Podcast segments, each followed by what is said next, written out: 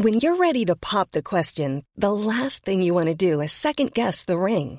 At Bluenile.com, you can design a one of a kind ring with the ease and convenience of shopping online. Choose your diamond and setting. When you find the one, you'll get it delivered right to your door. Go to Bluenile.com and use promo code LISTEN to get $50 off your purchase of $500 or more. That's code LISTEN at Bluenile.com for $50 off your purchase.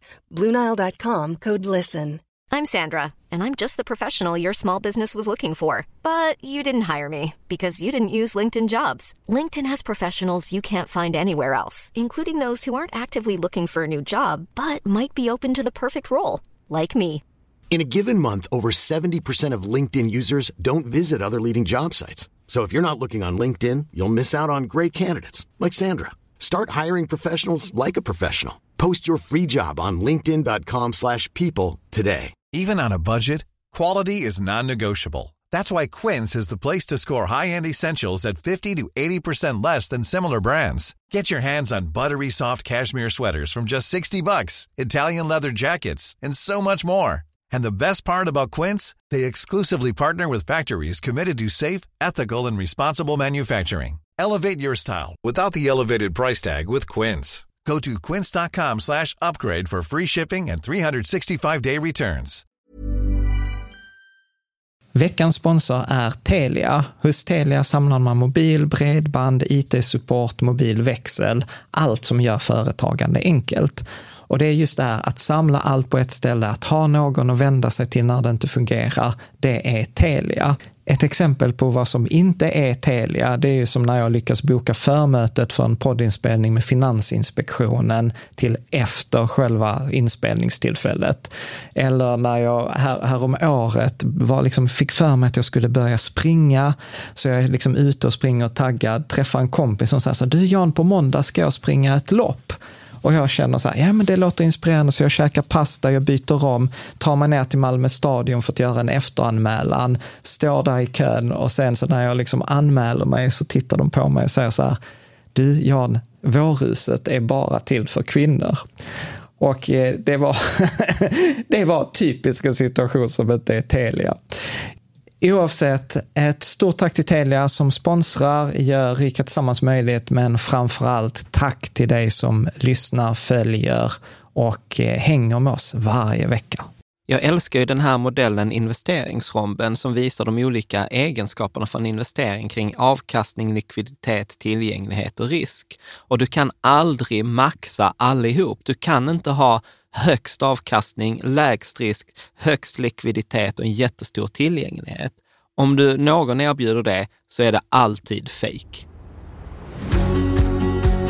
Du lyssnar på Rika Tillsammans-podden som handlar om allt som är roligt med privatekonomi. I den här podden får du varje vecka ta del av konkreta tips, råd, verktyg och inspiration för att ta ditt sparande och din privatekonomi till nästa nivå på ett enkelt sätt. Vi som gör den här podden heter Jan och Caroline Bolmesson. Idag är det dags för avsnitt 181 mm. eh, och jag tänker att vi ska fortsätta där vi slutade förra veckan, men ändå vara ett fristående avsnitt och prata om det här med en fördjupning i det här med investeringsbedrägerier. Mm. Och eh, förra veckan så pratade vi mycket om så här, vad, vad, kan, om man blir drabbad, vad var Finansinspektionens checklista, vad säger polisen? Och sen så börjar vi med de första kontrollfrågorna som man kan ställa sig, så att ja. man kan använda detta, liksom, inte bara för investeringsbedrägerier liksom, eh, specifikt, utan även liksom som en process att utvärdera, utvärdera investeringar. Mm. Eh, tänker jag. Så att det blir lite verklighetskontroller, lite varningsklockor, lite kontrollfrågor, lite tips eh, hur man kan eh, tänka och göra. Men det måste ju varit en sån listbonanza för dig. En, jag vet inte. Jag får... Varningsklockor, checklista, frågor man kan ställa. Jag gillar det också, men jag tänker att du gillar det mer. Ja, men, men sen är det också så här, alltså tanken är så här, eh, Finansinspektionen har gjort en video på en minut där de mm. går igenom sina tio punkter. Här är vi ändå inne på timme två eh, ja, och pra, pratar om, så att, så att jag, jag gillar ju lite det där nörda ner när man kan få titta på det i, i detalj, när man liksom, ja, men, som tar till exempel det här rådet som alltid pratar om så här, låter det för bra för att vara sant så är det oftast inte sant. Och jag håller med, det är bra i 99 procent av alla fallen. Om man bara följer det rådet så, så kommer man vara safe. Men grejen är ju så här, för mig blir det svårt när saker blir heliga sanningar. Mm. Eh, och för att det, det där gör, har också en baksida och det kan göra att man missar till exempel vissa typer av affärer som kan vara relevanta. Ja, men, som man inte har stött på innan och därför känner man inte igen dem heller som att ja okej, okay, det är den typen. Ja. Det är inget bedrägeri. Nej, och sen framförallt eh, så, nu har vi egentligen hoppat rakt in i det för jag tänkte vi ska prata om detta sen, men att det är många av de här checklistorna, tumreglerna, tipsen från Finansinspektion, polisen, de är superrationella. Mm. Liksom, de är bra, följer man dem så är det skitbra. Problemet är ju att även om rådet är rationellt så är vi småsparare sällan rationella. Mm. Utan det är så här, vi vill ha hög avkastning, vi vill vara bättre än andra, vi vill ha spänning, vi vill inte förlora pengar, eh, vi vill ha roligt, vi vill mäta oss med andra, vi vill se om jag kan klara liksom, marknaden själv. Så att, vi vill vinna. Ja, vi vill vinna. nej, det är inte jag. Eh, nej, men jag menar... alls du, nej. Nej, eh, så att då menar jag på att återigen, som vi hade i något avsnitt sen när vi pratade om, så att det finns min, efter, efter så här 25 års sparande och investerande så börjar jag mer, mer inse, där finns alltid ett matematiskt korrekt svar och sen finns det ett känslomässigt korrekt svar. Ja. Jo, men det var ju det jag bara skulle fråga här nu, ja. apropå listbonanzan, att ja.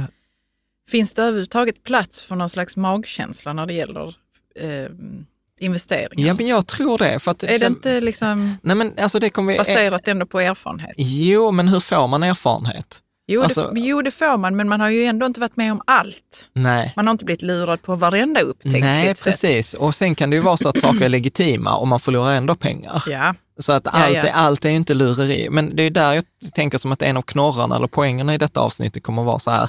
Så hur kan jag, vara, hur kan jag spekulera på ett ansvarigt sätt? Mm. Hur kan jag liksom ta hänsyn till att jag inte är rationell, till att jag vill ha spänning, till att jag vill ha roligt, till att jag vill testa och chansa mm. i, eh, ibland. Eh, så att jag tror inte att det är antingen eller, utan jag tror att man ska göra både och.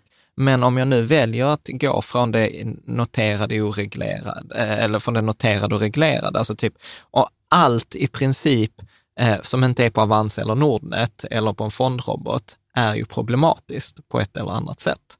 Eh, men man kan ju unna sig göra de sakerna också ibland för att man vill ha ett hållbarhetsperspektiv till exempel. Ja. Så där kan man alltid... ja, men nu är vi inne på investeringar, inte bara då investeringsbedrägerier. Nej, nej, nej. nej, nej men, nej. Och, det, och, det, är det som jag gillar egentligen så mycket, att jag vill inte att detta avsnitt ska avfärdas och det handlar bara om investeringsbedrägerier. Nej, detta handlar egentligen lika mycket om att förbättra din beslutsprocess. För jag tror ju att så här, vad, när, när någon ställer mig frågan, så här, vad är syftet med att investera? Så för många år sedan så sa jag så här, tjäna så mycket pengar som möjligt till så låg risk, alltså som möjligt, eller få så hög riskjusterad avkastning som möjligt. Idag, när jag är kanske lite äldre, eh, lite klokare, så är det så här, nej men det är att förbättra min beslutsprocess. Alltså att fatta bättre beslut. För jag kan ta ett rätt beslut, allt ser ut att fungera och sen händer någonting som jag inte har kontroll på, slumpen till exempel. Och då kan jag inte säga att beslutet var fel, utan min beslutsprocess var fortfarande rätt. Mm. Sen blev beslutet, liksom utfallet av beslutet blev något annat. Men är det därför du investerar, sa du? Nej, inte varför liksom... jag investerar, men det, för mig är det så här, hur kan jag bli bättre investerare? Jo, genom ja. att kontinuerligt ja. förbättra min process. Jag kan inte bli bättre investerare så här, och nu har jag tjänat mer pengar än vad jag gjorde för tio år sedan. Nej, det kan bara vara att du hade tur och du hade ja. mer pengar. Det mm. betyder inte att du var en bättre investerare. Men om jag kan säga så här, min beslutsprocess är mycket bättre idag än vad den var för tio år sedan, då är jag en bättre investerare. Mm. Tycker jag. Mm. Vad tycker du? Jag håller med dig. Okej, okay, vad skönt. Bra. Där finns, eh, där finns också till detta och förra avsnittet gemensamt eh, tre minuters sammanfattande avsnitt. Eh, blev i sig lite längre, typ sex minuter. Det var lite roligt, du bara freakade ut när du såg min slide. Var så här, ja, men det skulle vara tre minuter. Så jag som har jobbat med, med människor som ska liksom få fram sina budskap kände så, nu är jag tillbaka på universitetet. Du bara blev så... Bara, och det var så fullpackad slide. Jag tänkte så herregud, det är inte så man summerar liksom, på tre minuter. Men jag, vet, jag är säker på att det blir bra ändå. Ja, jag, vill, jag, gick ju ut härifrån. Ja, du var så här, jag vill inte vara med på den Jag skriver inte under på detta. jag vill inte vara med.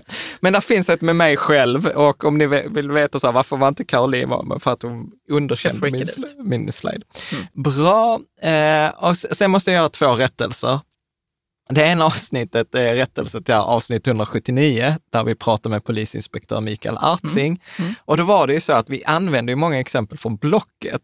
Och sen så fick vi ett mejl av Blocket där det var så här, ja tack för ett senaste avsnitt, det är viktigt att vi pratar om så här investeringsbedrägerier, men det kändes som när vi lyssnade på det, typ, nu bara hittar jag på lite, men andemeningen, att, att det var lite orättvist. Alltså så här, det, det sker väldigt mycket transaktioner på Blocket varje dag och bedrägerierna yeah. är bara en promille och vi arbetar faktiskt både, det är viktigt för oss, vi arbetar aktivt med att minska den här mängden bedrägerier och hör man av sig till, till oss så får man liksom hjälp och sånt. Så att det blev ju typ så på Blocket, då blev man lurad och det var inte ja, det min inte poäng. Det var inte min poäng att det skulle vara så, utan det råkade bli... Det var det vi tog upp för att det har hänt där, men det har ju också hänt på andra plattformar. Och ja, så att det var inte specifikt. Utanför äh, nätet. Ja, så mm. att äh, det, jag, ty jag, tyckte ändå det var så här schysst att säga det. Ja, liksom. absolut. Äh, bra.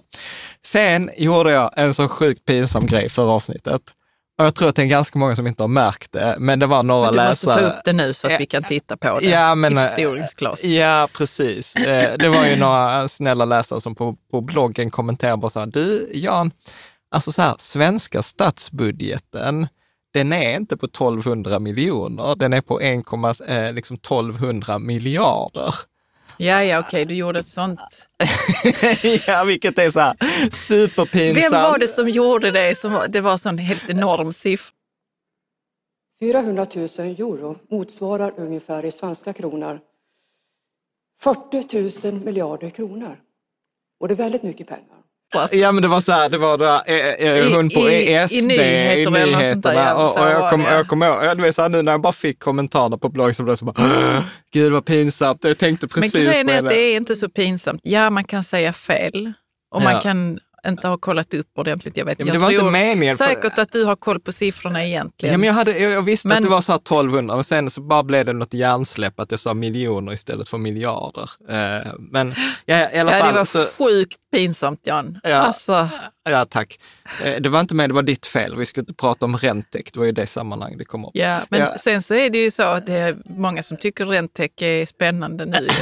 Efter det avsnittet har du väl fått feedback på att vi ja, behöver ta upp Rentec ja, vid något Kas tillfälle. Ka Caspian, vår kollega som hjälper oss med klippa poddavsnitt, han bara så ja men detta med Rentec var intressant. Jag bara så men sluta avsnitt. Du får skylla dig själv som tog upp Rentec som någon typ av uh...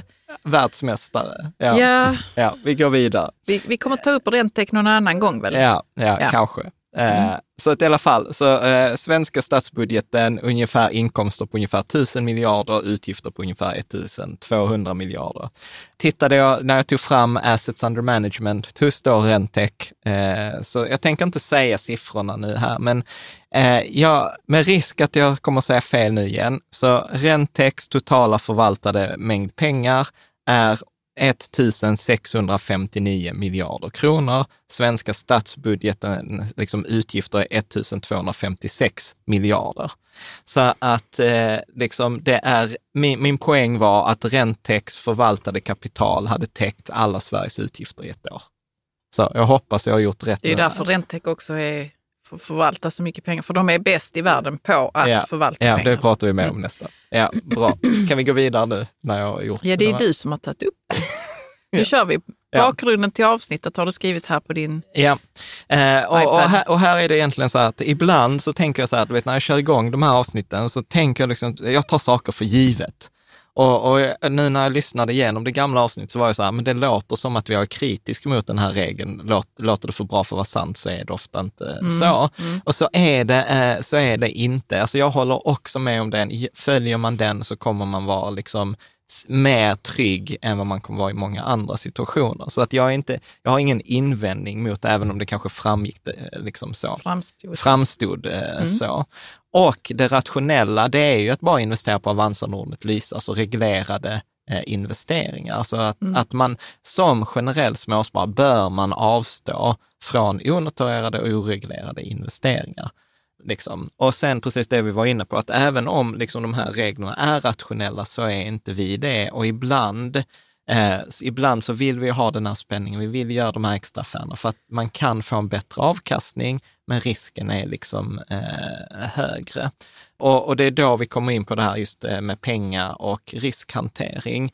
Och, och det, det, som är roligt är att pengar och riskhantering, det skiljer sig inte åt om det är en liksom, legitim affär, om det är Avanza eller Nordnet eller om det är eh, liksom ett bedrägeri. Så att jag menar att det är lite, lite, lite, samma, eh, lite samma sak.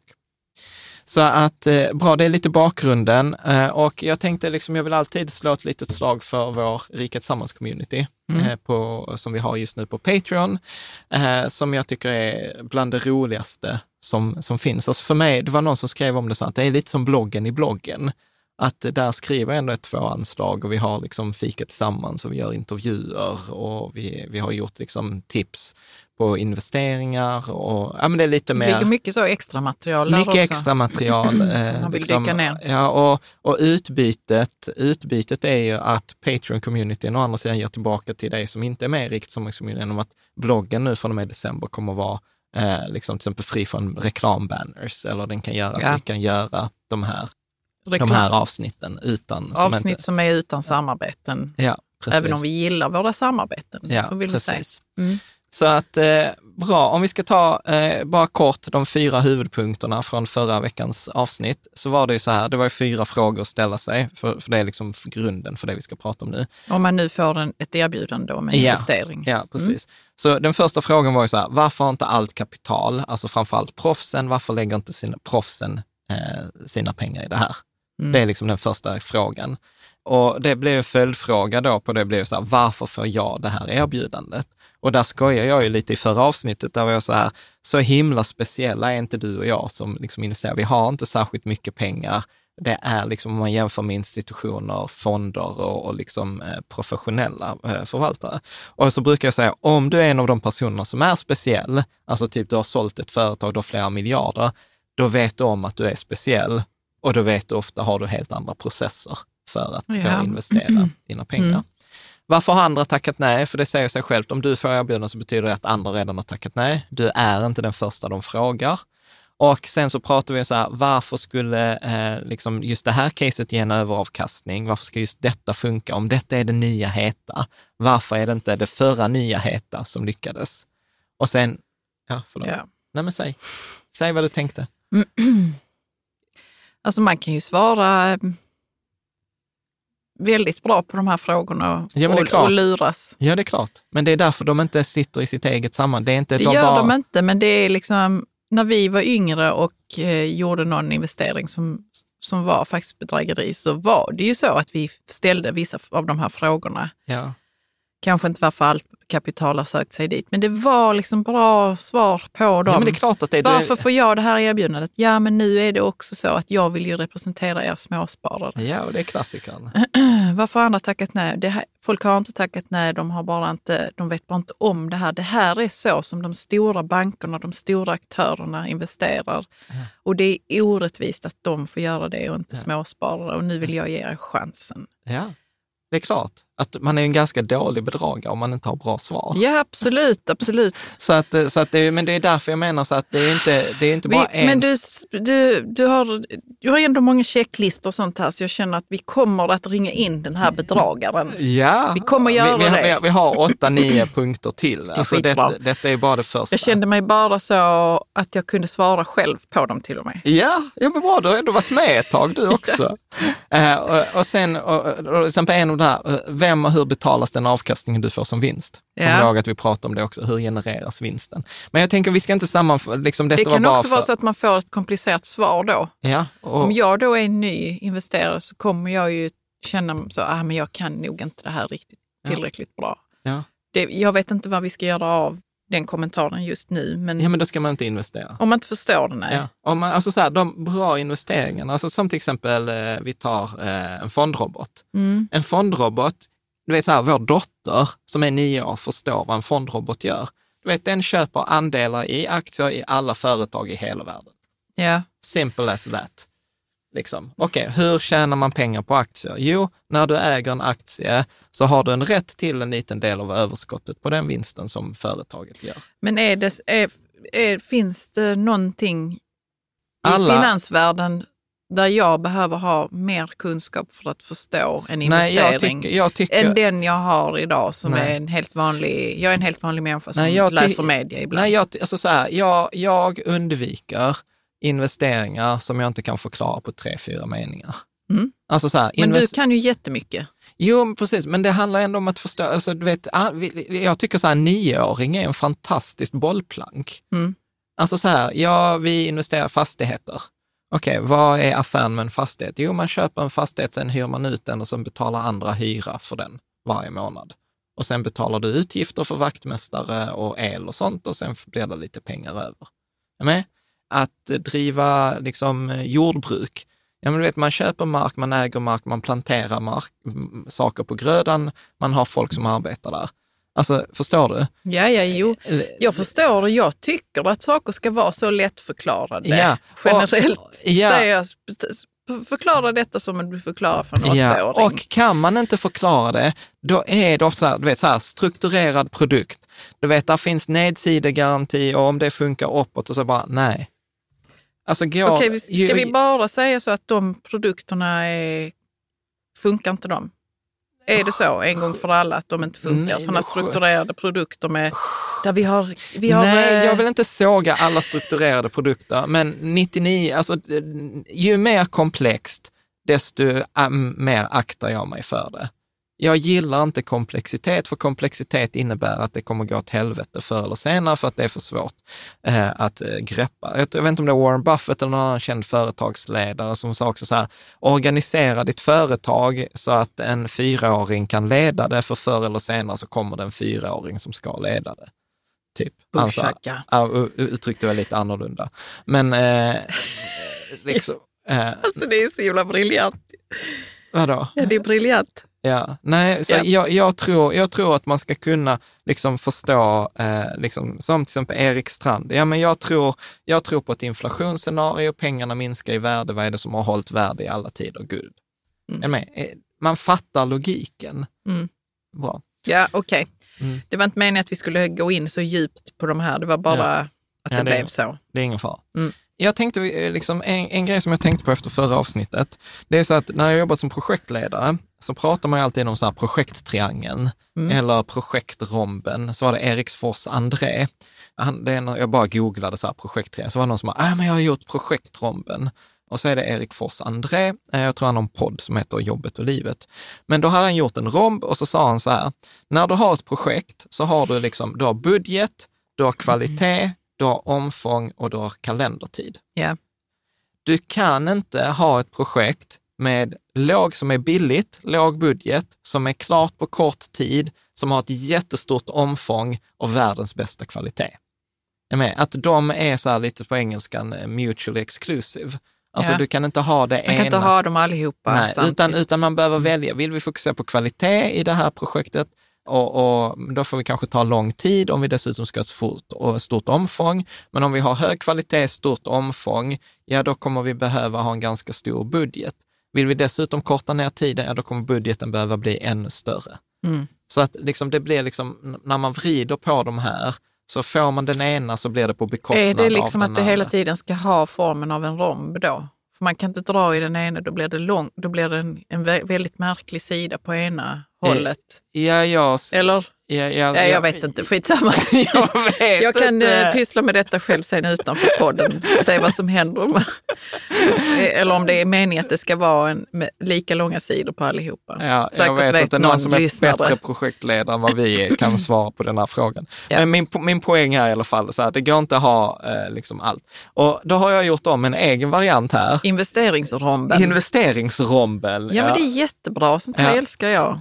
Ja, men då tänker jag så här. vad först, finns det på de här sidorna? Ja, men man pratar ju alltid om avkastning. Ja. Liksom, så att man vill ha så hög avkastning som möjligt. På den andra sidan då har vi då risken.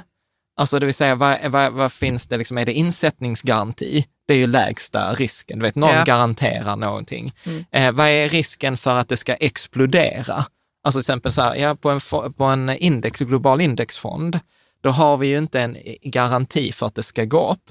Men å andra sidan, risken för att den ska explodera, alltså risken för att en indexfond ska bli noll, är ju obefintlig för att det innebär att alla bolagen i den eh, indexfonden skulle behöva gå konkurs samtidigt. Mm. Och, och om en fondrobot säger 6 000 bolag, då ska 6 000 av världens största bolag gå konkurs samtidigt. Orealistiskt. Är med? Eller osannolikt. Och ända till andra änden, liksom, när jag in, in, investerar i ett enskilt projekt hos en alternativ crowdfunding-plattform, där eh, liksom det här projektet kan gå åt skogen och går det åt skogen så förlorar jag alla mina pengar. Typ det ja. som har hänt oss med Trine eller det har hänt andra med Tessin eller det har hänt i, i, i den typen. Och det är inget bedrägeri, utan det är ju legitimt. Det var ja. ju bara att risken var hög. Men å andra sidan så är avkastningen också högre än på ett bankkonto. Mm. Så vi har risk avkastning. Nästa del som man sällan tänker på, men som man vill ofta ha som investerare, är likviditet. Eh, likviditet, det menar på att det handlas på daglig basis, att jag kan köpa... Det finns pengar i kassan väl att göra nej, saker med? Nej, Eller vad är likviditet? Likviditet, att jag kan till exempel, om jag har en fond till exempel, så kan jag sälja den idag och ha pengarna på kontot övermorgon mm. eller om tre dagar. Mm. En aktie kan jag sälja nu, ha pengarna på kontot om tre sekunder. Ja. Med, eh, likviditeten i, i, i, i stora aktier är enorm. Sen har du liksom i andra ändan onoterade, vi har gjort vissa onoterade investeringar. Jag menar så här, vi köpte den för tio år sedan, den aktien. Vi har inte kunnat sälja den för det finns ingen som vill köpa den, även om den inte är värdelös. Ja. Men där är ingen likviditet, där är ingen som vill handla Nej, jag förstår. den. Jag förstår. Mm. Är, är med? Och sen så vill man ju också ha likviditet i form av att eh, så här, om jag sparar i den här till exempel fondroboten, så vill jag inte att minsta kravet ska vara 10 miljoner är med, utan jag vill att det ska vara från 100 kronor. Eh, och så är det till exempel vissa investeringar som vi har gjort, då är var så här, minimibeloppet var 10 miljoner. Och jag sa, vi har inte råd att investera 10 miljoner i ett projekt. Och då var de så här, ja men du kan hänga med på Friends, Fools and Family. Och så var det så här, en miljon. Är du med? Så att då är likviditeten är extremt dålig i den typen jo, av, eh, av investeringar. Mm. Så avkastning, risk och likviditet. Eh, och sen den sista, eh, tillgänglighet. Och då menar så här, hur tillgänglig är den här eh, investeringen? Det vill säga, är den reglerad? Står den under Finansinspektionens tillsyn? Eh, är den på Avanza eller Nordnet eller behöver jag gå liksom till en annan aktör? Finns aktierna registrerade hos Euroclear som är ett centralt register? Eller är det styrelsen själv som bara har koll på vem som har vilka aktier i en Excel-fil? Är det, är det allmänt eh, accepterat, den här investeringen? Vad är avgifterna? Vad är transaktionsavgifterna för att jag ska kunna göra den här eh, affären? Eh, hur är hållbarhetsaspekten på det här? Är det, är rätt etiskt? mycket där är inbakat i tillgänglighet. Ja, men, det kanske ska vara så. Ja, men det är svårt att göra om med fler hörn. men, eh, ja, ja, visst. Eh, så att, så att jag, tänker, jag tänkte egentligen att jag tog liksom, man skulle säga avkastning, risk, likviditet och övriga faktorer. Mm. Så, så, mm. så, kan man liksom säga. Men, men eh, min poäng här är också att man behöver liksom välja var någonstans vill jag ligga med min investering i, eh, i den här. Vad är det som är viktigast för mig? Till exempel för vissa är det viktigast med låg risk. Ja, men ska du ha låg risk, ja, då kommer du inte få hög avkastning. Eh, du kommer ha hög likviditet, men, eh, och, och det kommer vara hög reglerat till exempel. Mm. Det är bankkonto med insättningsgaranti. Okej, okay, vill jag ha en global indexfond? Ja, avkastningen är högre, men risken är högre också, eller hur? Likviditeten är sämre än bankkontot eller en enskild aktie och tillgängligheten är sådär, till exempel med hållbarhet eller med eh, ja, komplexiteten. Å andra sidan är kanske den allmänna acceptansen hög. Okej, okay. så då har du lagt in några sådana eh, investeringsformer. Ja. Okej, okay, men om vi nu lägger in ett investeringsbedrägeri i denna. Ja, då, Vad händer då? Var hamnar den här ja, men det går, då? Som man, men det går inte, för då, då, då har du, för att, för att ett investeringsbedrägeri ska vara intressant, så, så behöver det ju vara någonting som det andra inte är. Kommer du ihåg som vi pratade i förra avsnittet? Och då låter det ofta som så här, men du har jättehög avkastning, du har garanti, hög likviditet och det är etiskt hållbart. Alltså du vet, det bara maxar alla sidorna. Så känner man ofta igen det. Att du vet, så här, de bara bryter mot den här romben. De säger så här, nej men Jan, du har fel i den här investeringsromben. Och, och så känner man sig så här, nej men så är det Detta kanske. Detta är nytt, ett nytt paradigm, Jan. Vadå? Ja, man kan bara säga så att detta är ett nytt paradigm inom, inom investeringar. Som bara bryter romben. ja, men... men, det, men det, grejen är att det finns inte Nej. något som kan bryta mot romben Nej. För... och som är legitimt. Ja, precis. Eh, där, där är alltid någon. Ta, men ta till exempel, det är lite, lite roligt också, till exempel som vi pratade med Nassim Taleb, det här avsnittet med Taylor, Taylorisk eh, Hedge, eh, som jag fortfarande liksom driver som ett sidospår. Men du vet, så här, jag har skickat mail till, eh, du vet, han har Spitsnagel. Jag har, jag har inte ens fått ett svar. Är med? Och, och tillgängligheten där är så här, du ska ha 500 miljoner kronor mm. Mm. i hans fond. Det betyder att om du dessutom ska ha 2 procent, ska vara typ 500 miljoner. Alltså, jag tänker inte göra matte, nu har jag gjort bort mig redan här matte. Men förstår du hur mycket mer pengar man måste ha totalt för att det ens ska vara intressant? Så att nej, jag, jag påstår, kanske felaktigt, jag kommer få äta upp det här, men där finns ingenting som bryter mot den här rollen. Men Rentec, bryter inte den? Var befinner sig Rentec? Tillgänglighet. Tillgänglighet och likviditet. Bryter den mot. Ja. Mm. Förmodligen... Men varför likviditet? Måste man ha sina pengar länge i ja? Ja, ja, men det är många. Ta till exempel Dimensional som är så här, typ, de flesta har inte hört talas om det. Dimensional är ett fondbolag eh, som har indexfonder. Det är Farmas, Eugene Farmas bolag. Det är hans och några till. Hans och några till. Mm. Eh, de, de, är typ som Vanguard, eller de gör, de gör riktigt bra indexfonder. Kommer man till en duktig stiftelse eller duktigt företag så har de ofta dimensional-fonder. Men då är så här, du får inte handla dem på daglig basis. För de säger så här, alltså om ni ska komma med köp och säljorder varje dag, ni kommer sabba vår, vi kan inte handla på det sättet. Nej. Och, och, och sen så behöver man ha pengarna där långsiktigt mm. och sånt. Så att, eh, ja, jag påstår att eh, börjar man bryta ner där så är det alltid någonstans i det här eh, det bryts. Precis som ett projekt. Du kan inte ha stort omfång, hög kvalitet, kort deadline och att det är gratis. Ja. Men om vi tittar på sådana här investeringsbedrägerier, vad skulle kunna vara sånt som, som någon kommer med då? Är det så bitcoin till exempel? Uh, nej, så du, eller, eh, nej, men jag, alltså, jag bara funderar lite här högt. Var lägger sig nu bitcoin här? Ja, Någon bit, som vill nej, lura mig?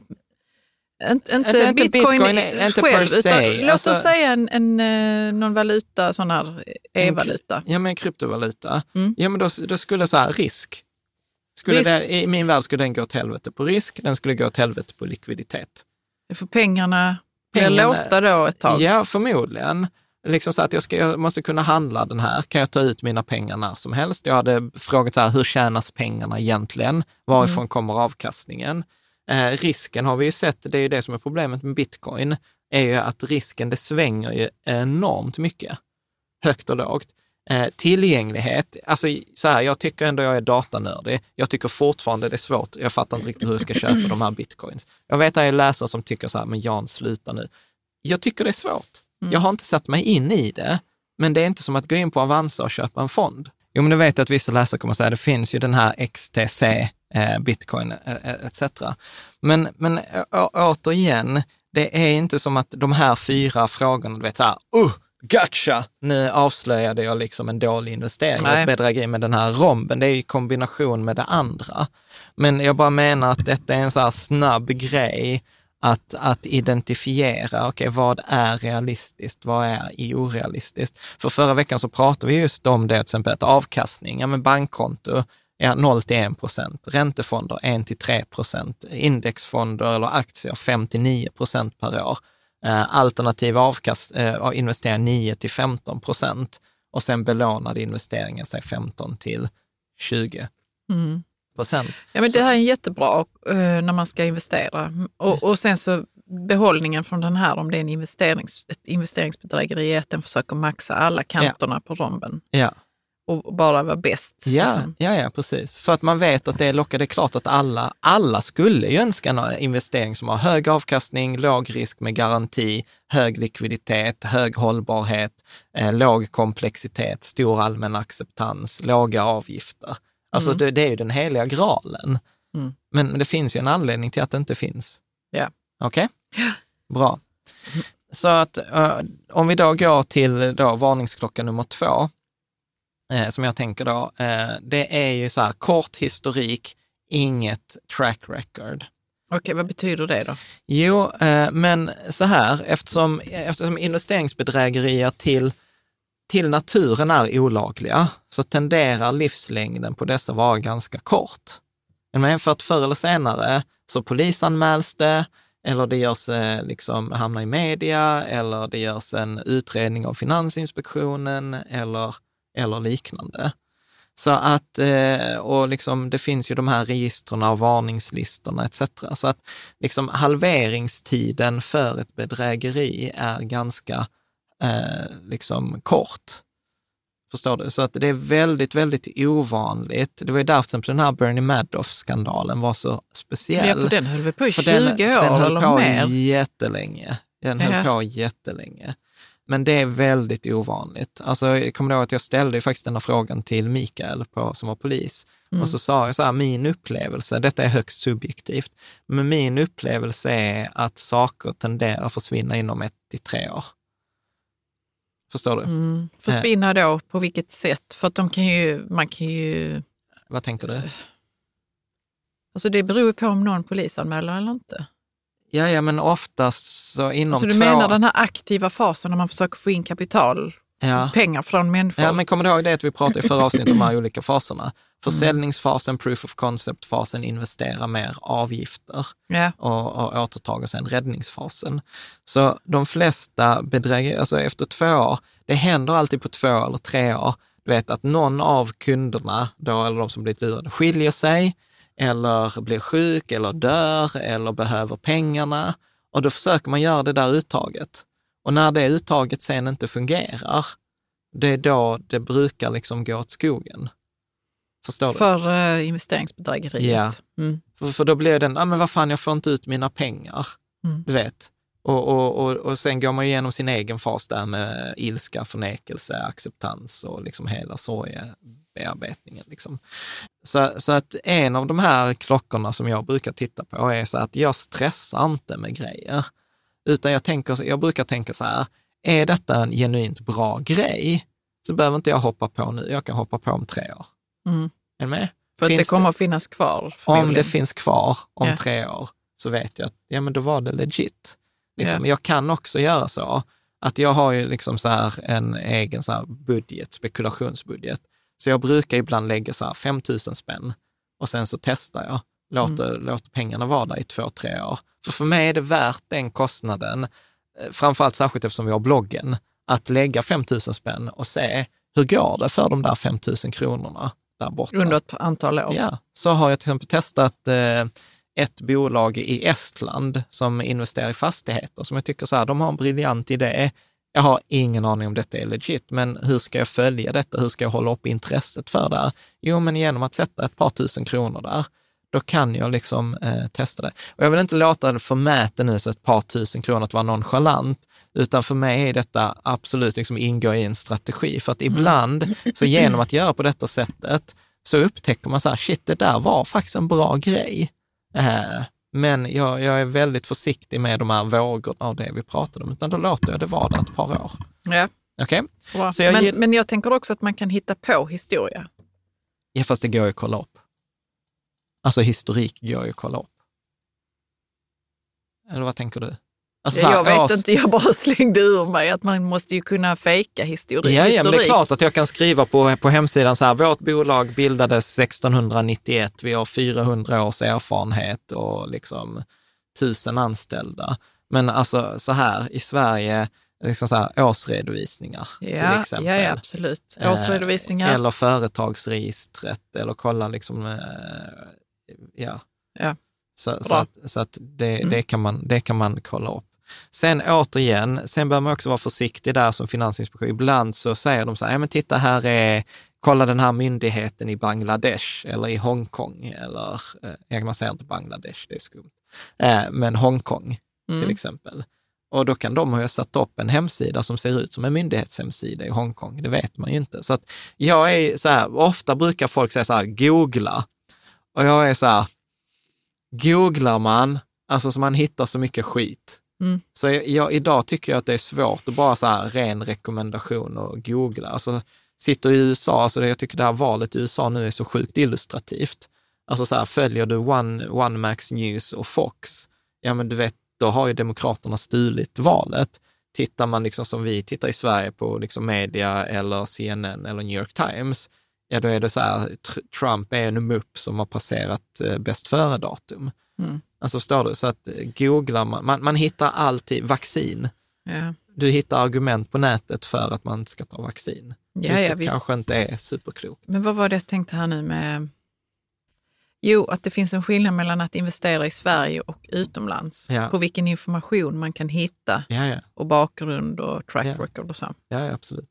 Och, och det, ska jag, det ska jag inte sticka under stol med. Alltså så här, vi kommer att prata om det också. Transparens är viktigt. Och sen får man ju liksom också säga, liksom värdera. Det, så här, det kommer vi prata om i slutet av det här avsnittet.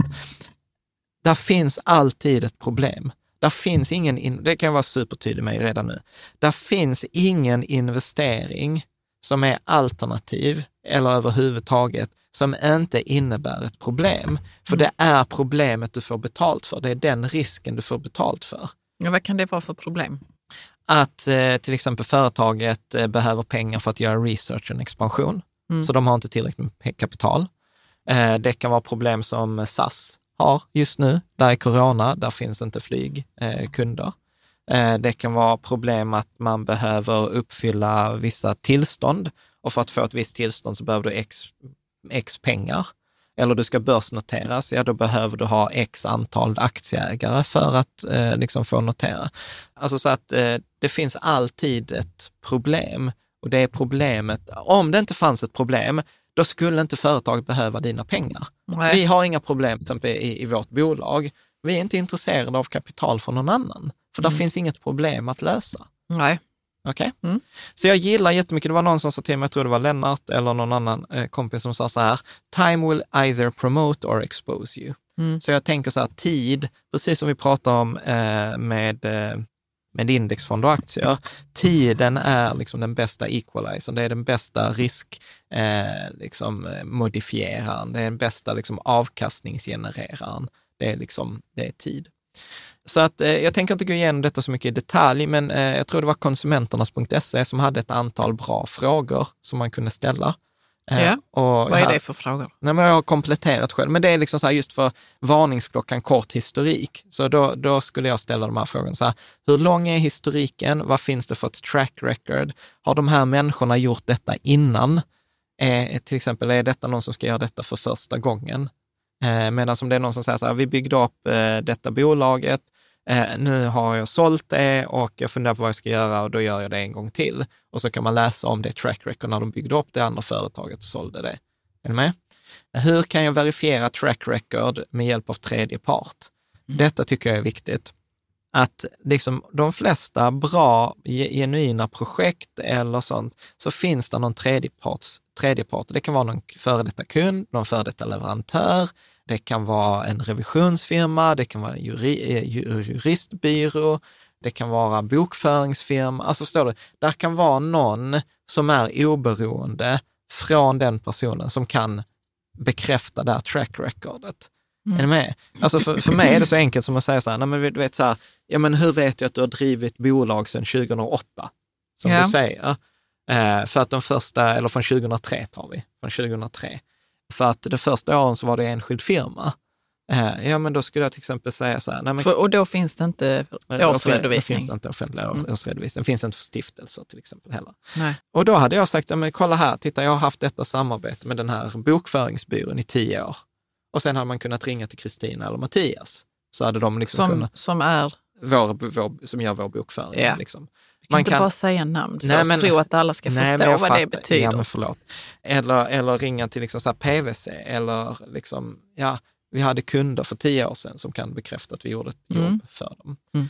Så vad, liksom, lite så här, vad finns det för referenser? Vad finns det för track record? Vad är det historiken? Be om att få komma på personligt besök.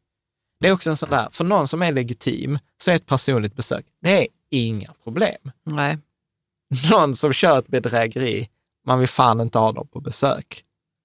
Är du med? Nej, jag bara försöker visualisera det i mitt huvud hur det skulle se ut. Ja. Eller om man liksom... Ja, så här klassiskt så här, Panama. Du vet så här, många så här journalister i de här Panama Papers och sånt. Ja, vi åkte dit och sen var det ett hus med en postbox. Eller vi åkte dit och här bor 1200 företag. Ja, i... Uh, ja. Mm. Och, och, och vad, vänta, jag hänger inte med här nu. Vad betyder det då? Att det är fejkföretag eller Ibland. vadå? Ibland. Ibland. Ja. Alltså är du med? Så här, det finns FIs, inspektion, FIs Finansinspektionen, en sån regel är till exempel så här, slå bolaget i vårt register. Yeah. Kommer du ihåg, vi pratade om det här, Bluff och båg AB. Mm. Så, men, men det sa vi också så här, jag är en sjukt dålig bedragare om jag ringer och säger, hej jag ringer från Bluff och båg AB, eftersom jag vet att det företaget är med i registret. Eller hur? Över dåliga företag. Ja. Mm. Så då kommer jag säga så här, hej jag är från eh, Bågar AB, mm. eller hur? Som inte är med i registret. Eller hur? Men om jag då istället för att slå det så bara, åh nej men det är legit, det är inte med i eh, registret. Då kan jag säga så här, jättekul att ni heter Bågar AB. Eh, liksom, kan jag få komma och hälsa på? Mm. Är du med? Det blir liksom ett mycket, för mig, en mycket skarpare kontroll. Som är taget i sitt sammanhang såklart. Ja, du ser så fundersam ut. Ja, nej men jag... Jag tycker detta är en jättebra fråga. Jo, men det är jättebra, det är det, det är det. Men det är någonting som skaver här. För det är så att man är, var man är baserad eller du vet sådana saker. Alltså man behöver inte vara ett blufföretag för att man inte kan ta emot besök, tänker jag. Det är någonting som bara skaver för mig. Nej, här. det är ju ingen, det är ingen naturlag. Nej. Men det är en sån där, det är en detalj. Ja. Det är en detalj som kan ge en hint. Som kan ge en hint. Bra. Okej? Okay? Mm, jag är med på det. Ja. Mm. Och så är det så här, men de är i Hongkong. Ja. Då kan man säga så här, ja, men om det nu ska investera hundratals tusen kronor i det här projektet, ja, så här, det finns sajter som freelancer.com till exempel, eller Upwork. Hitta, lägg ut ett jobb, bara, jag erbjuder någon 100 dollar att gå, dit. att gå dit, knacka på, ta några bilder, ta en smiley, en, en selfie och skicka det till mig. Mm. Jag men, du vet, det är inte svårt. Nej, precis. Att, man kan be någon annan på plats. Och, ja. Mm, okay, bra. Med, så att jag kan liksom ja, för jag bara hängde upp mig på att man själv måste ta sig till London eller vad sjutton det är. Liksom. Nej. Nej, jag vet, jag vet du tänk, du, nu himlar du nästan med ögonen här, men, det, men jag är, jag, jag tänker inte på det sättet att man kan be någon annan att göra det. Ja, nej men för jag tänker så här, och, så här, om du ska investera så här, tusen spänn och du har tio miljoner, mm. då är det så här, fuck it. Mm. Alltså det spelar ingen roll. Liksom, även om jag inte delar den uppfattningen egentligen, för jag tycker man ska värdera varje krona lika mycket. Total jämlikhet bland men du skiter kronor. ändå i det. Men, men, men, men så. Men om man tittar på så här, det genomsnittliga liksom så här bedräget, det, vet, det är tusentals kronor. Mm. Då menar jag så, det är ganska billig peng att lägga en 500-lapp på en sån grej. Ja, visst, absolut. Liksom. Så, mm. så tänker jag. Okay? Vi går till varningsklocka tre. Ja. Lockar med att göra det de rika gör. Ja, det är faktiskt det är en annan värld ju. Ja, eh, som man nu äntligen får komma in i ja, och ta del av. Ja, Inte bara smulor utan en riktig kakbit. Ja, det var roligt att du ändå använde det som exempel där i början av avsnittet. Liksom. Vilket? Alltså, nej men det, vet vi gör detta för innan har det ja, bara varit tillgängligt. Ja, för det är en classic. En classic ja. ja vi, du vet så här, vi gick på den. Alltså så att med hull och hår. Men så här, så här tänker jag, av naturen så är vi människor mottagliga för status och det som andra gör. Liksom. Uh, och, och, är... och, särskilt om det är så att det avslöjas att det är så här andra gör och du visste inte detta. Ja. Du har varit en loser men nu kan du bli en vinnare. Ja, Ja, precis. Och sen kan vi prata så här biologiska drifter för det där. Men jag, jag Va? Vad snackar du om? Nej men, men det är så här, alltså, att vi alla har så här drivkrafter. Okej, okay, get ahead, eh, alltså man vill komma före sina peers. Det är en sån här drivkraft. Jag vill eh, komma ikapp mina peers. Ja, ja, eh, en ja, annan visst. drivkraft. Det var den som jag kände av. Ja, sen är det också så här eh, makt och, och, sex och liksom hela Och denna. sex är ju egentligen makt. Ja. ja. Eller det vet jag inte. Nu känner jag att det jag var hamnar... någon som sa det. jag vet Fall det var Oscar Wilde. Det här jag vet inte, men då kände jag att där trillar jag i någon sån här Södertörnfälla, att det kanske finns någon forskning på att det där inte alls är samma sak. Ja, Skitsamma, det är inte det som är eh, poäng, poängen, utan så här, vi gillar att se upp till personer. Det är därför hela den här Kardashian och liksom rika människor, vi blir liksom bländade Ja, men vi eh, vill ju vi, vi vill, vill se hur de lever, ja. som dem. Kungligheterna. Ja. Mm. Och ofta hur det säljs in är att man ska få tillgång till marknader eller affärer som ofta är reserverat för professionella placerare eller rika människor. Mm. Och varför liksom sådana här grejer funkar är ju för att det är ett korn av sanning i, i det här. Men återigen, vi ska ta några frågor och ställa här. För där finns vissa typer av investeringar som är så här minimi, apropå den här romben, minimiinvestering 10 miljoner. Mm. Ja, det är till för liksom, eh, eh, professionella investerare. Eh, men då ska man också vara, vara medveten om att de gränserna finns av en anledning. Eh, liksom. Ja, vi eh, pratade att, förra avsnittet om, om att det var mycket juridik kring det. Till exempel.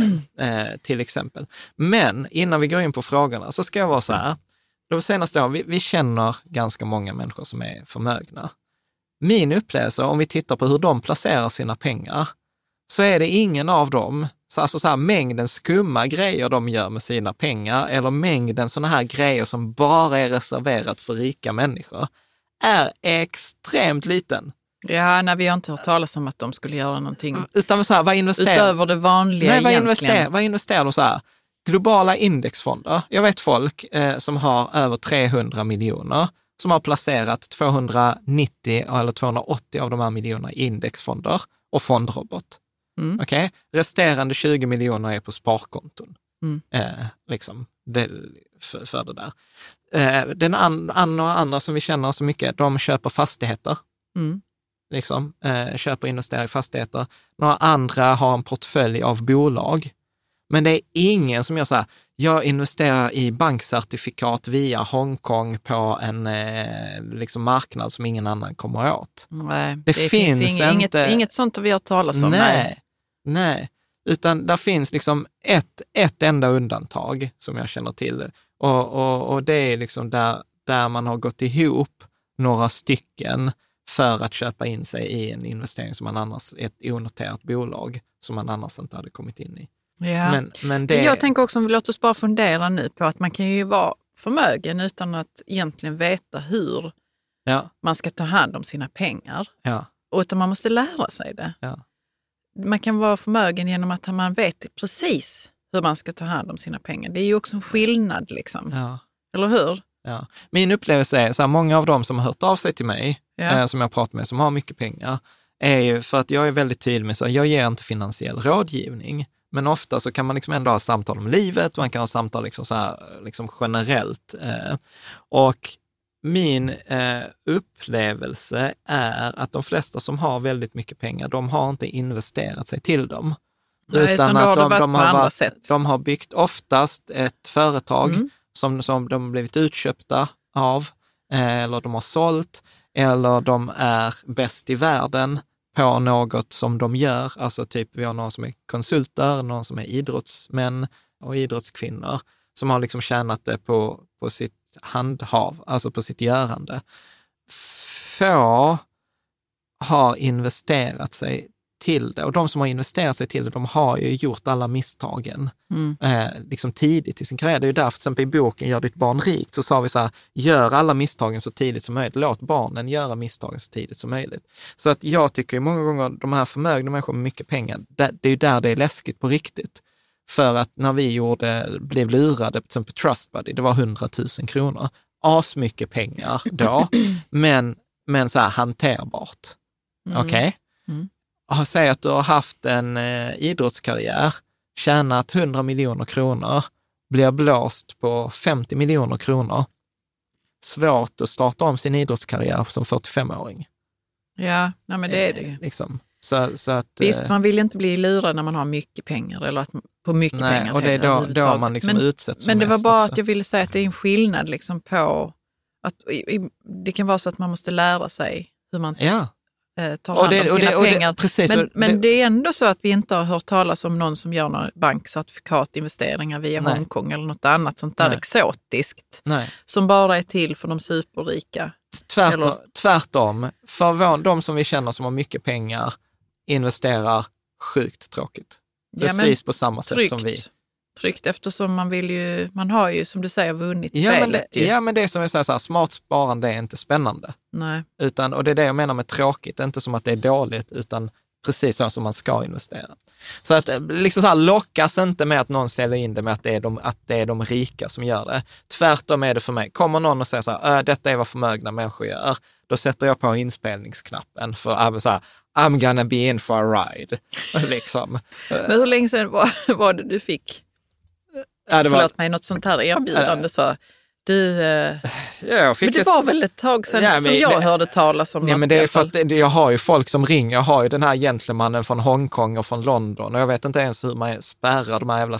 Om det är någon som vet så här, jag har någon som ringer till mig i alla fall två gånger i veckan från eh, London och jag, jag, har, jag har spärrat numren, men de ringer från olika nummer. Ja. Om det är någon som vet hur man gör, så, så säg till mig. Jag svarar ju inte ens. Liksom. Men det är så här, någonstans har mitt telefonnummer hamnat på någon sån här jävla lista. Och det är allt från valutatrading till forex till, ja men det rika människor gör. Ja, jag blir mm. så trött. Mm. Eh, bra, så frågorna att eh, eh, man kan ställa så här, varför blir jag kontaktad? Hur har de fått tag på mina kontaktuppgifter? Varför inte bara fortsätta med rika människor? Alltså om detta nu är till för rika, mm. eller det är sånt som rika gör, varför inte bara fortsätta med det? Det är mycket mer pengar på mycket mindre tid. Mm. Då är man liksom så här, alltså det är så knasigt. Att ja, men det är någon som, som hävdar att de har någon slags eh, hjärta ja. i detta. Att ja. de vill ge andra människor chansen. Det är ju det givna svaret ju. Och sen, sen tror jag så att det, det, det, så här, frågan att ställa sig själv, detta är så bäst så här introspektiv fråga. Vad är det som gör att jag gillar att prata med den här äldre herren som brukar ringa från Hongkong? Vem, vad, vad är det för någon person? Ja, men du vet, det är trevligt och det är gemytligt. Och det var någon, det var så jag skrattade så jag kissade på mig. För det var någon på Patreon som skrev det så här, ja, jag brukar ha de här samtalen med äldre herrar från Hongkong. Jag var så här, jag känner igen den här äldre herren från Hongkong. Som, som pratar om investeringar? Ja! Men pratar ni bara om investeringar? Alltså det var eller? länge sedan jag pratade. Men det var ändå så här, det var så här, man kände sig viktig och du vet, man var, och han kallade en för sir och, och sånt. Ja, och det är det jag menar här, så här, vad får den här personen mig att känna? Ja. Förstår du? Vad mm. är det som gör? För att de är ju likeable. Det, är det ju kanske är någon fadersfigur eller någonting jag sånt där. Jag vet inte, men det, ja. är det kan vara så här. Som alla vill ha. Ja, så Vi bra frågor är så här, får jag bara höra sånt som jag vill höra? Ja. Eh, liksom, eh, och så lite så här, vad gör min hjärna för att lura mig nu? Alltså är det så här att fear FOMO, ja men det är klart att jag ska vara med. Och så tänker jag, det vet så här, en klassiker, det var ju Hare Krishna som utnyttjade detta. De gick ut och gav blommor till folk på gatorna. Och sen kom de efteråt med så här tigga, tiggarbössa eller sån insamlingsbössa. Och eftersom du hade gett så hade du liksom moraliskt skapat en, en skuld. Och jag tänkte så här, jag har ju fått här nu, då måste jag ju ge. Mm. Förstår du? Och så mm. tjänar de, liksom, fick de in jättemycket pengar mm. på, på det här. Och så kan du också, har du pratat med den här herren nu tio, tio gånger, han har hjälpt dig och, och liksom fixat, lyssnat på lyssnat dig. på dig. Och så, så känner man till slut när han säger, ah, men du ska väl inte göra den här affären bara. Ah, jo, du vet, jag har ju blivit, det är som att bli bjuden på en middag tre gånger och tacka nej, eller omboka tredje gången. Fjärde gången känner man så här, ah, nu, nu, nu, nu måste jag, nu måste jag liksom fixa till det. Okej? Okay? Ska vi gå vidare? Varningsklocka fem. Ja.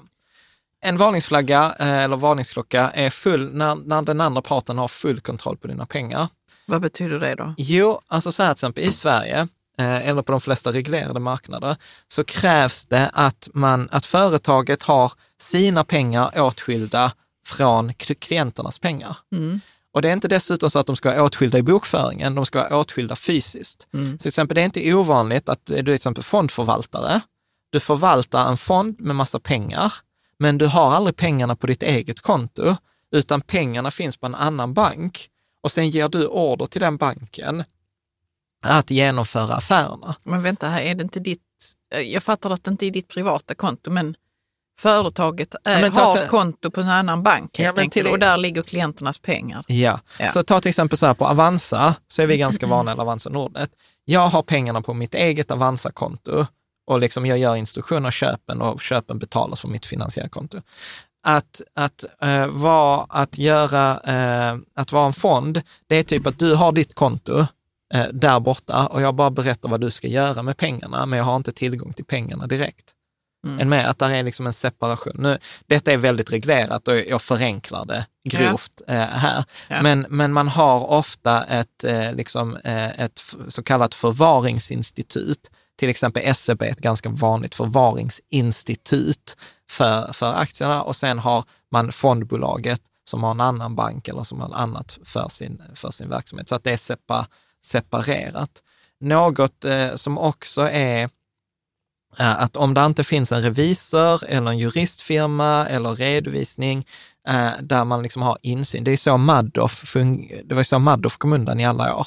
Att, hade han ingen redovisningsbyrå? Jo, nej men de hade, eh, de hade full kontroll på klienternas pengar. Klienterna satte in pengarna på deras konton. Mm. med. Så då, då fanns det liksom ingen insyn på det där. De hade full Men hur kontroll. kunde han komma undan så länge utan att någon utomstående tredje part Ja, jag vet inte, det finns ju böcker om Madoff, jag har inte läst dem, så att eh, jag vågar Nej. inte säga, säga ja. någonting. Ja. Men, men jag tänker liksom utifrån detta konceptet så kan man ställa ett antal frågor. Mm. Återigen, liksom kombination av mina och konsumenternas frågor. Mm. Eh, vilken bank är företaget kund hos? Och eh, vi ska faktiskt, nästa avsnitt kommer handla om banker och vara småföretagare, för jag är så sjukt less. Nu kommer så, det kommer så bankbashing avsnitt i nästa. Är du säker? Jag är säker, eh, för jag har fått så här mail av läsare också. Eh, du vet när jag pratade, jag skulle öppna konto på en bank och, och, så för mitt företag och så säger banktjänstepersonen så här, nej men jag vet inte om jag hade använt din produkt. Yeah.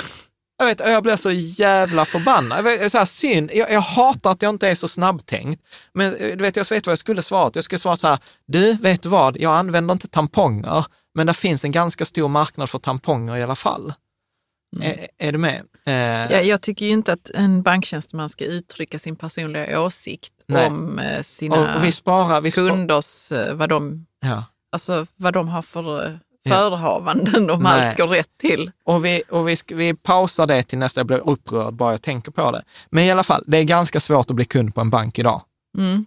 I alla fall i, i Sverige. Men är Eller, det inte också för att för att det är reglerat Ja, för de har fått hårt. så mycket skit. De vill inte ha någon, något, vad ska man säga, någon som tvättar sina pengar. Nej, så, så därför är så här, vilket, vilken bank är företaget kund hos? Mm. Be om kontaktuppgifter till någon på banken eh, som man bara kan kolla, är, är de kunder? Sen är det banksekretess eh, etc.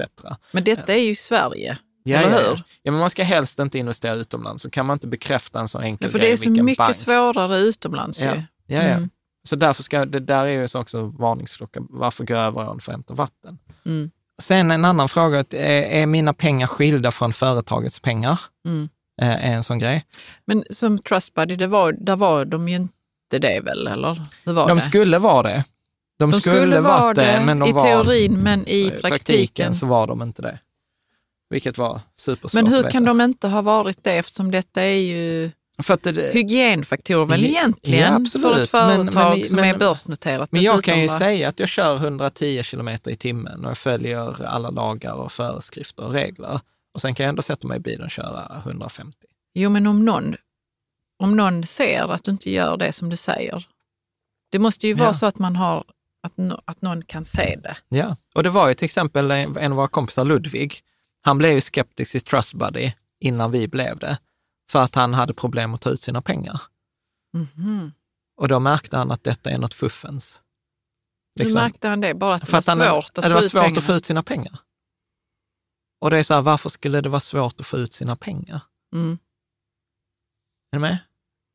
Ja, ja, men jag tänker mer på den här tredje parten som vi pratar om. Ja som eh, jag inte har superbra koll på allt som de kan se i ett företag, som redovisningsbyrån till exempel. Ja. Hur kan, hur kan ett företag ha sina pengar, egna pengar blandade med klienternas i ja, Sverige så, idag? Ja, det, det, är ju bara för dem att sätta dem på samma konto. Alltså, men det, detta är ju det som Finansinspektionen granskar till exempel. Eller som en revisor men då, ska ha Men om Trustbuddy kan göra det så kan andra göra det. Ja, absolut. Men så det finns massa sådana här hål som ja, jag trodde var igentäppta, nej, men, men det är klart, är det. Nej, det är klart att det finns hål. Mm. Det är klart att det finns hål. Alltså så att det är inget konstigt. Men, ja, men, men det är inget det... konstigt för dig, men det är ju konstigt för mig. Det är konstigt för mig i ett sånt reglerat land som Sverige. Med, visst var det börsnoterat? Ja, dessutom. Ja. Dessutom? Ja. Hur fan ska jag då kunna lita på något? Ja, men det är därför Och jag... du kan inte säga så, Jan, det är inget konstigt. Jo, det är konstigt. Det är konstigt. Ja, ja, ja jag förstår inte. Men... Eh... Jo, men vi pratar här om en lista, Jan. Ja. På saker som ska vara liksom uppfyllda, Ja. helst. Ja. Och då vet man så, ja, men det är sannolikt ingen, inget investeringsbedrägeri. Och nu hade, vi, nu hade vi satt pengar i ett företag som ska vara legitimt. Ja. Och sen så har de ändå gjort en jävelskap med våra Ja. pengar. Ja. Så ja, så det finns inga garantier. Nej. Någonstans. liksom. Förstår du? Så man kan följa listan och ändå kan man bli screwed. Ja, alltså så här, du kan, du kan vara så här, eh, alltså då, liksom du kan göra allt rätt och det kan ändå gå åt helvete. Det är därför jag inte tror på garantier, Nej, till exempel. absolut Jan. Överhuvudtaget. För, för jag är alltid så här, ja men garanti är enkel att säga så länge man inte behöver den. Liksom, förstår du? Så att, ja, men å andra sidan, Trust Buddy följer på en massa andra grejer här.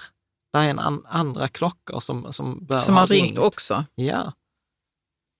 Är du med? Så att man kan inte göra, man kan inte göra det...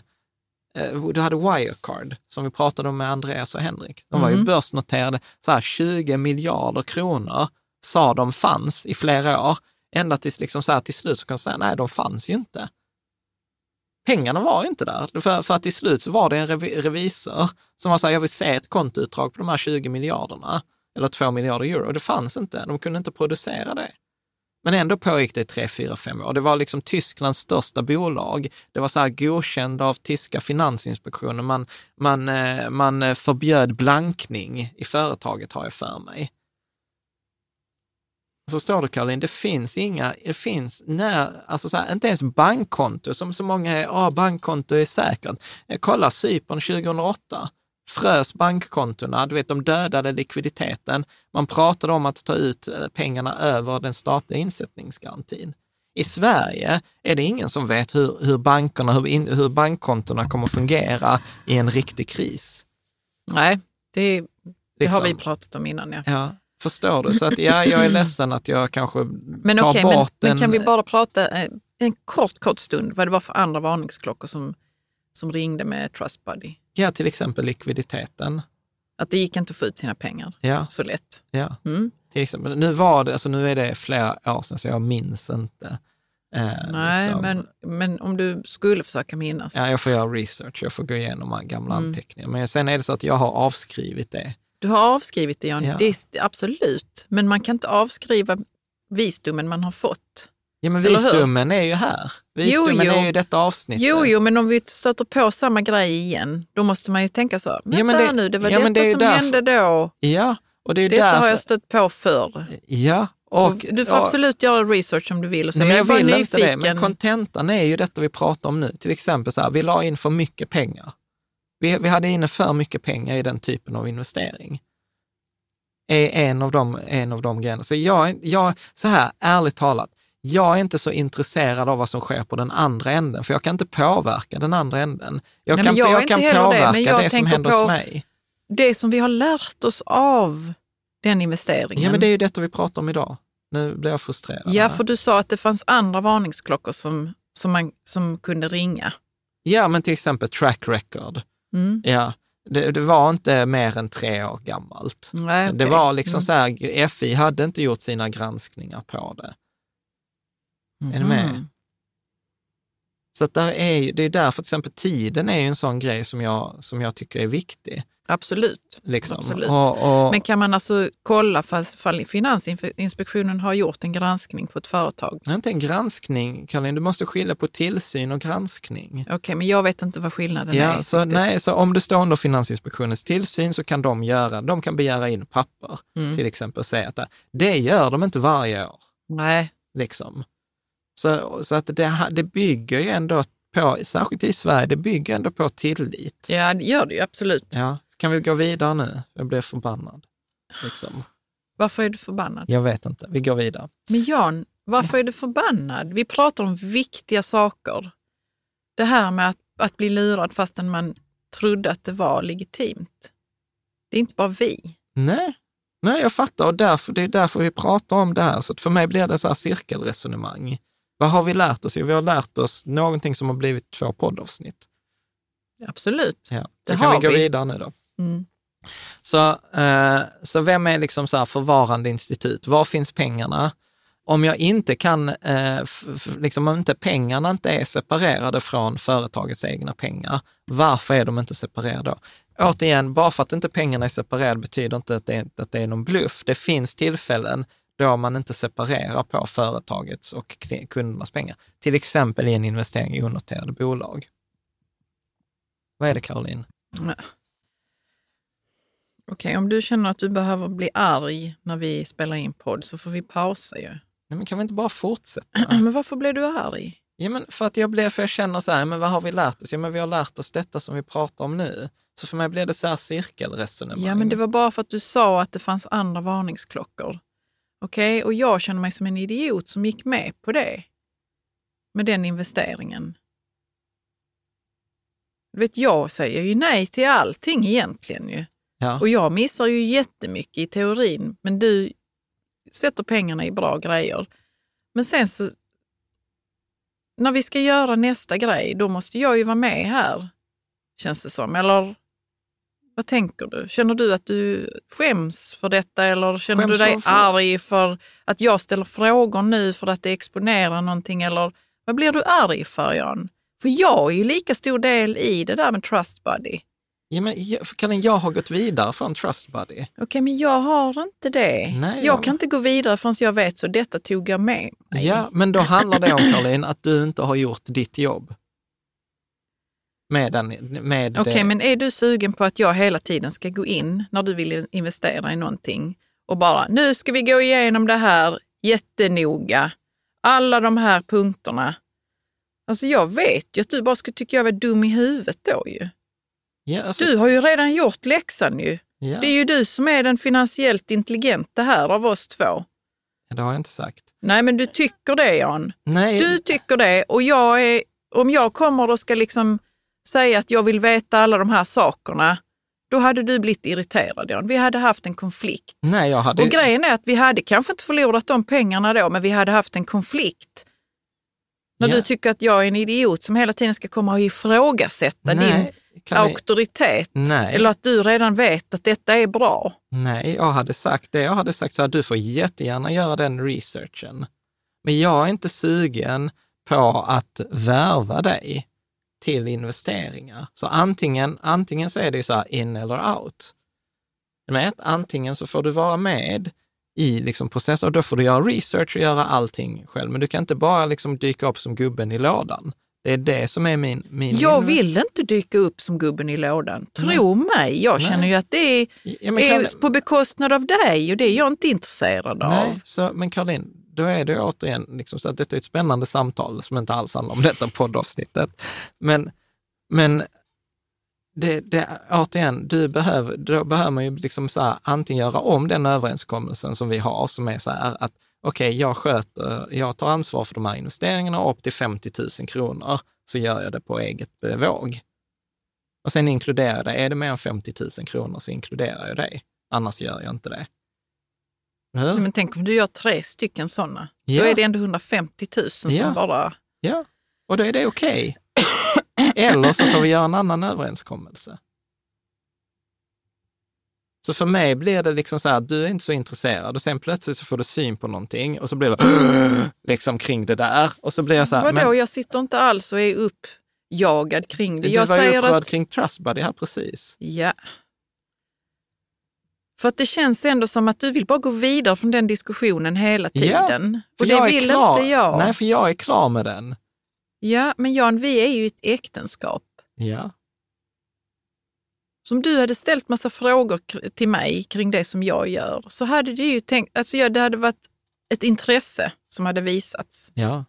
Så Men du är inte intresserad av mitt intresse, nej, känns det som. Nej, nej Caroline, det handlar om så här, jag är inte nyfiken på att gå ner i gräva i det där. Jag är färdig med den processen. Ja, men du har kanske grävt klart. Ja, och då säger jag så här, Men om jag du... då visar intresse av att gräva också och du ja. kan ge mig en recap, varför ja. vill du inte det då? Är Nej, det för att du tycker att jag kommer och rider på dig På någon sån här nej, då tycker jag att du kan få piggybacking göra... på din kunskap? Eller nej, det... nej, jag är inte intresserad av att ge någon recap i det, i det fallet. Jag, som sagt, Caroline, jag, för mig, det är klart att att förlora pengar handlar ju om en energimässig... Det är ju ett sår, såklart. Okej, okay? jag har sörjt den, jag har varit förbannad för den, jag har lärt mig, jag har gått vidare. Och nu upplever jag liksom att då ska du gå fram och de här lådorna som jag har liksom arkiverat i något förråd, då ska de börja dras fram nu för att du liksom åtta år senare plötsligt blev intresserad av dem. Och då är jag så här, nej, vet du vad, jag är inte intresserad av att gräva i de lådorna. Då får du gå och plocka fram de lådorna, prata med då till exempel vår kompis Niklas, som drev process mot Trustbuddy som återskapade en del av de pengarna som drev den juridiska processen. Jag är inte intresserad.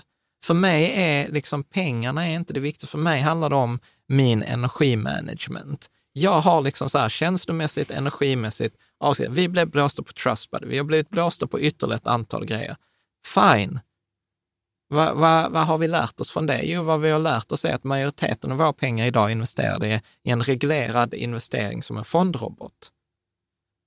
Vi, vad, vad har vi lärt oss mer? Jo, vi avråder folk från att göra onoterade alternativa investeringar. Vi berättar för folk att det som vi själva gick på, att eh, det som rika människor gör, nej, rika människor, de flesta investerar, de som är duktiga, smart.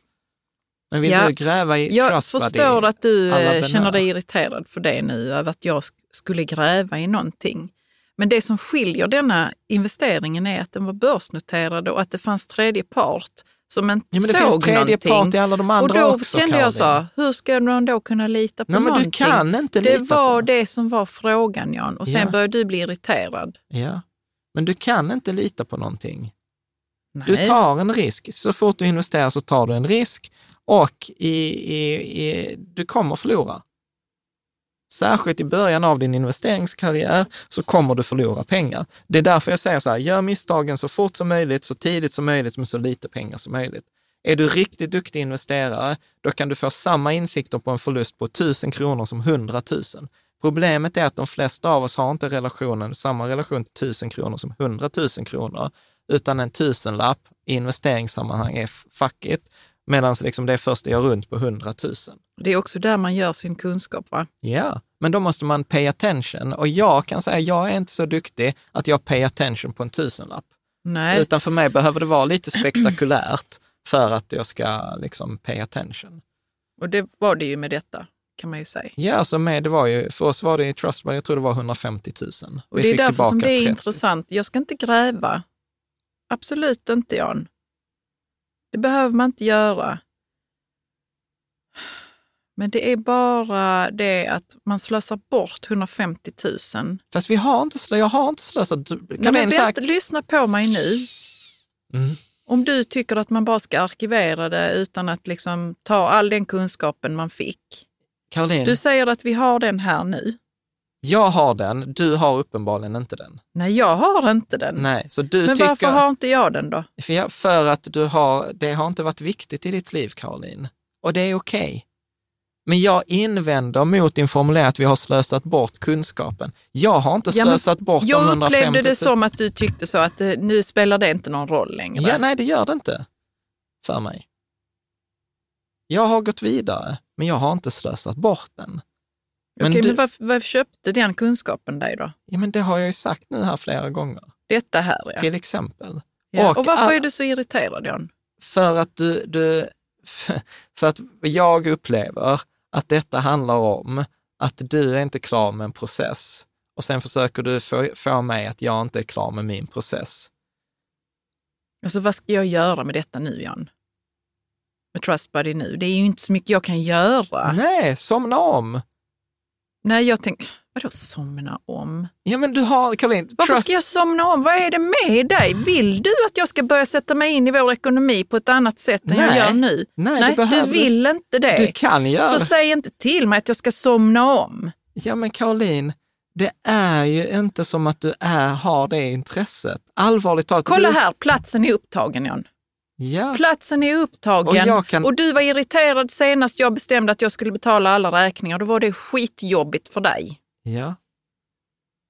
Ja, men Caroline, nu handlar detta om något annat. Ja, det blev det. Ja, men Caroline, så här, du är intresserad, om du har två timmar över en dag, vad lägger du helst den tiden på? Att skriva på din Snowflake-metod på relation med våra barn eller att sitta och analysera en alternativ investering? Jag kommer, alltså hade jag varit singel så hade jag inte investerat i alternativa investeringar. Nej, nej bra. Nej, det hade jag inte gjort, Jan. Nej. Så, så Caroline, det handlar inte men om att du inte... liksom... Ja, men det handlar inte om att du inte har förmågan. Det, det jag blir så här, vad är det som det handlar om just nu?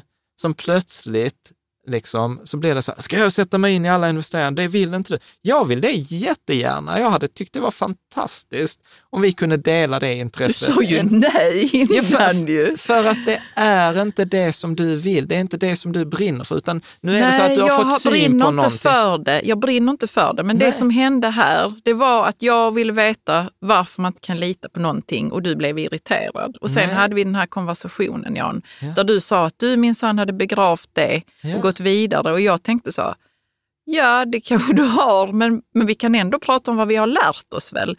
Men då var du redan så uppeldad Nej, kring att du hade har... minsann gått vidare. Nej, för att jag har sagt, Karin, återigen jag vidhåller min ståndpunkt där, det är det som ligger till grund för den, de här avsnitten, det är det som ligger till grund för hela vår investeringsstrategi sen dess. Ja, men det är jättebra. Ja, eller hur? Det är jättebra. Eller hur? Och sen har jag respekt för att du behöver sörja. Nej, men jag sörjer, vet du vad? Eller jag är inte den som sörjer. Ja, men ha din process. Jag kallar det inte en sorg. Process? Ja. Du behöver ha din... Hur någon kan lura människor på det viset? Ja, de fick fängelse. Fick de? Ja. Hur länge då? Jag vet inte. De fick fängelse?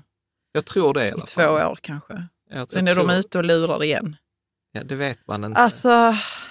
Och Caroline, ja, jag ska gå och ha min process kring den här ilskan som jag känner över att de har lurat människor på det viset med sitt börsnoterade företag.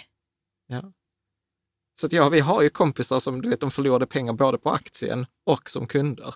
Vi förlorade åtminstone bara pengar som kund. Ja, det är skitsamma. Det är, jag ska inte sörja åt dem också, men jag tycker att det är faktiskt helt otroligt. Och jag kommer eh, såklart att bli inkluderad på sådana här eh, investeringar framgent och då kommer vi tillsammans ja. att titta på de här varningslistorna. Ja, det kan vi göra. Vad härligt nu att ni fick ha detta i, I era lurar. I era lurar, hur vi har den här processen.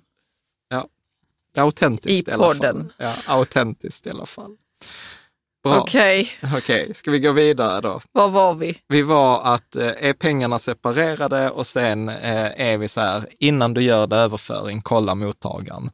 Var, eh, kolla mottagaren, alltså ja. vad tänker du då? Nej, men så här, om du för över pengar till eh, Carnegie, så om du slår ett bankgironummer så ska det dyka upp att det står Carnegie. Ja, ja, det ska Där ska det inte dyka upp Bluff och Båg AB. Du kan ofta ringa till en annan bank och bara säga så, du jag ska göra en stor överföring, kan du bara bekräfta att jag har fått rätt siffror? Ja. Liksom. Sen återigen, det kan vara så att en banksekretess etc. Men det, det går att göra till exempel. Jag men har det måste ju ändå vara så att man Jag har kan... gjort det, jag har haft folk också som har gjort det där vi har liksom så här, du vi ska göra en överföring, men det verkar inte som att det matchar. Liksom. Eh, så kan man fråga. Mm. Bra, jag tänker att vi ska börja ta de sista två, varnings, tre varningsklockorna. Varningsklocka nummer sex. Ja. Ingen insyn av tredje part. Har vi inte haft den? Ja, vi har, vi har berört det, så vi kommer gå det ganska snabbt. Men eh, här, det, det, ska finnas någon, gärna välrenommerad tredje part. Och för mig är det ofta en revisor. Jag hatar revisor i eget bolag, alltså eh, som man äger själv, för då upplever jag att revisor bidrar inte med något syfte. För en revisors syfte är att bekräfta för tredje part att redovisningen är korrekt. Om jag äger mitt bolag själv så behöver jag inte ha någon som bekräftar att min egen redovisning är korrekt. Så jag, där är jag så här negativ. Så folk är så här, men du är negativ revisor. Jag bara, ja, i eget bolag.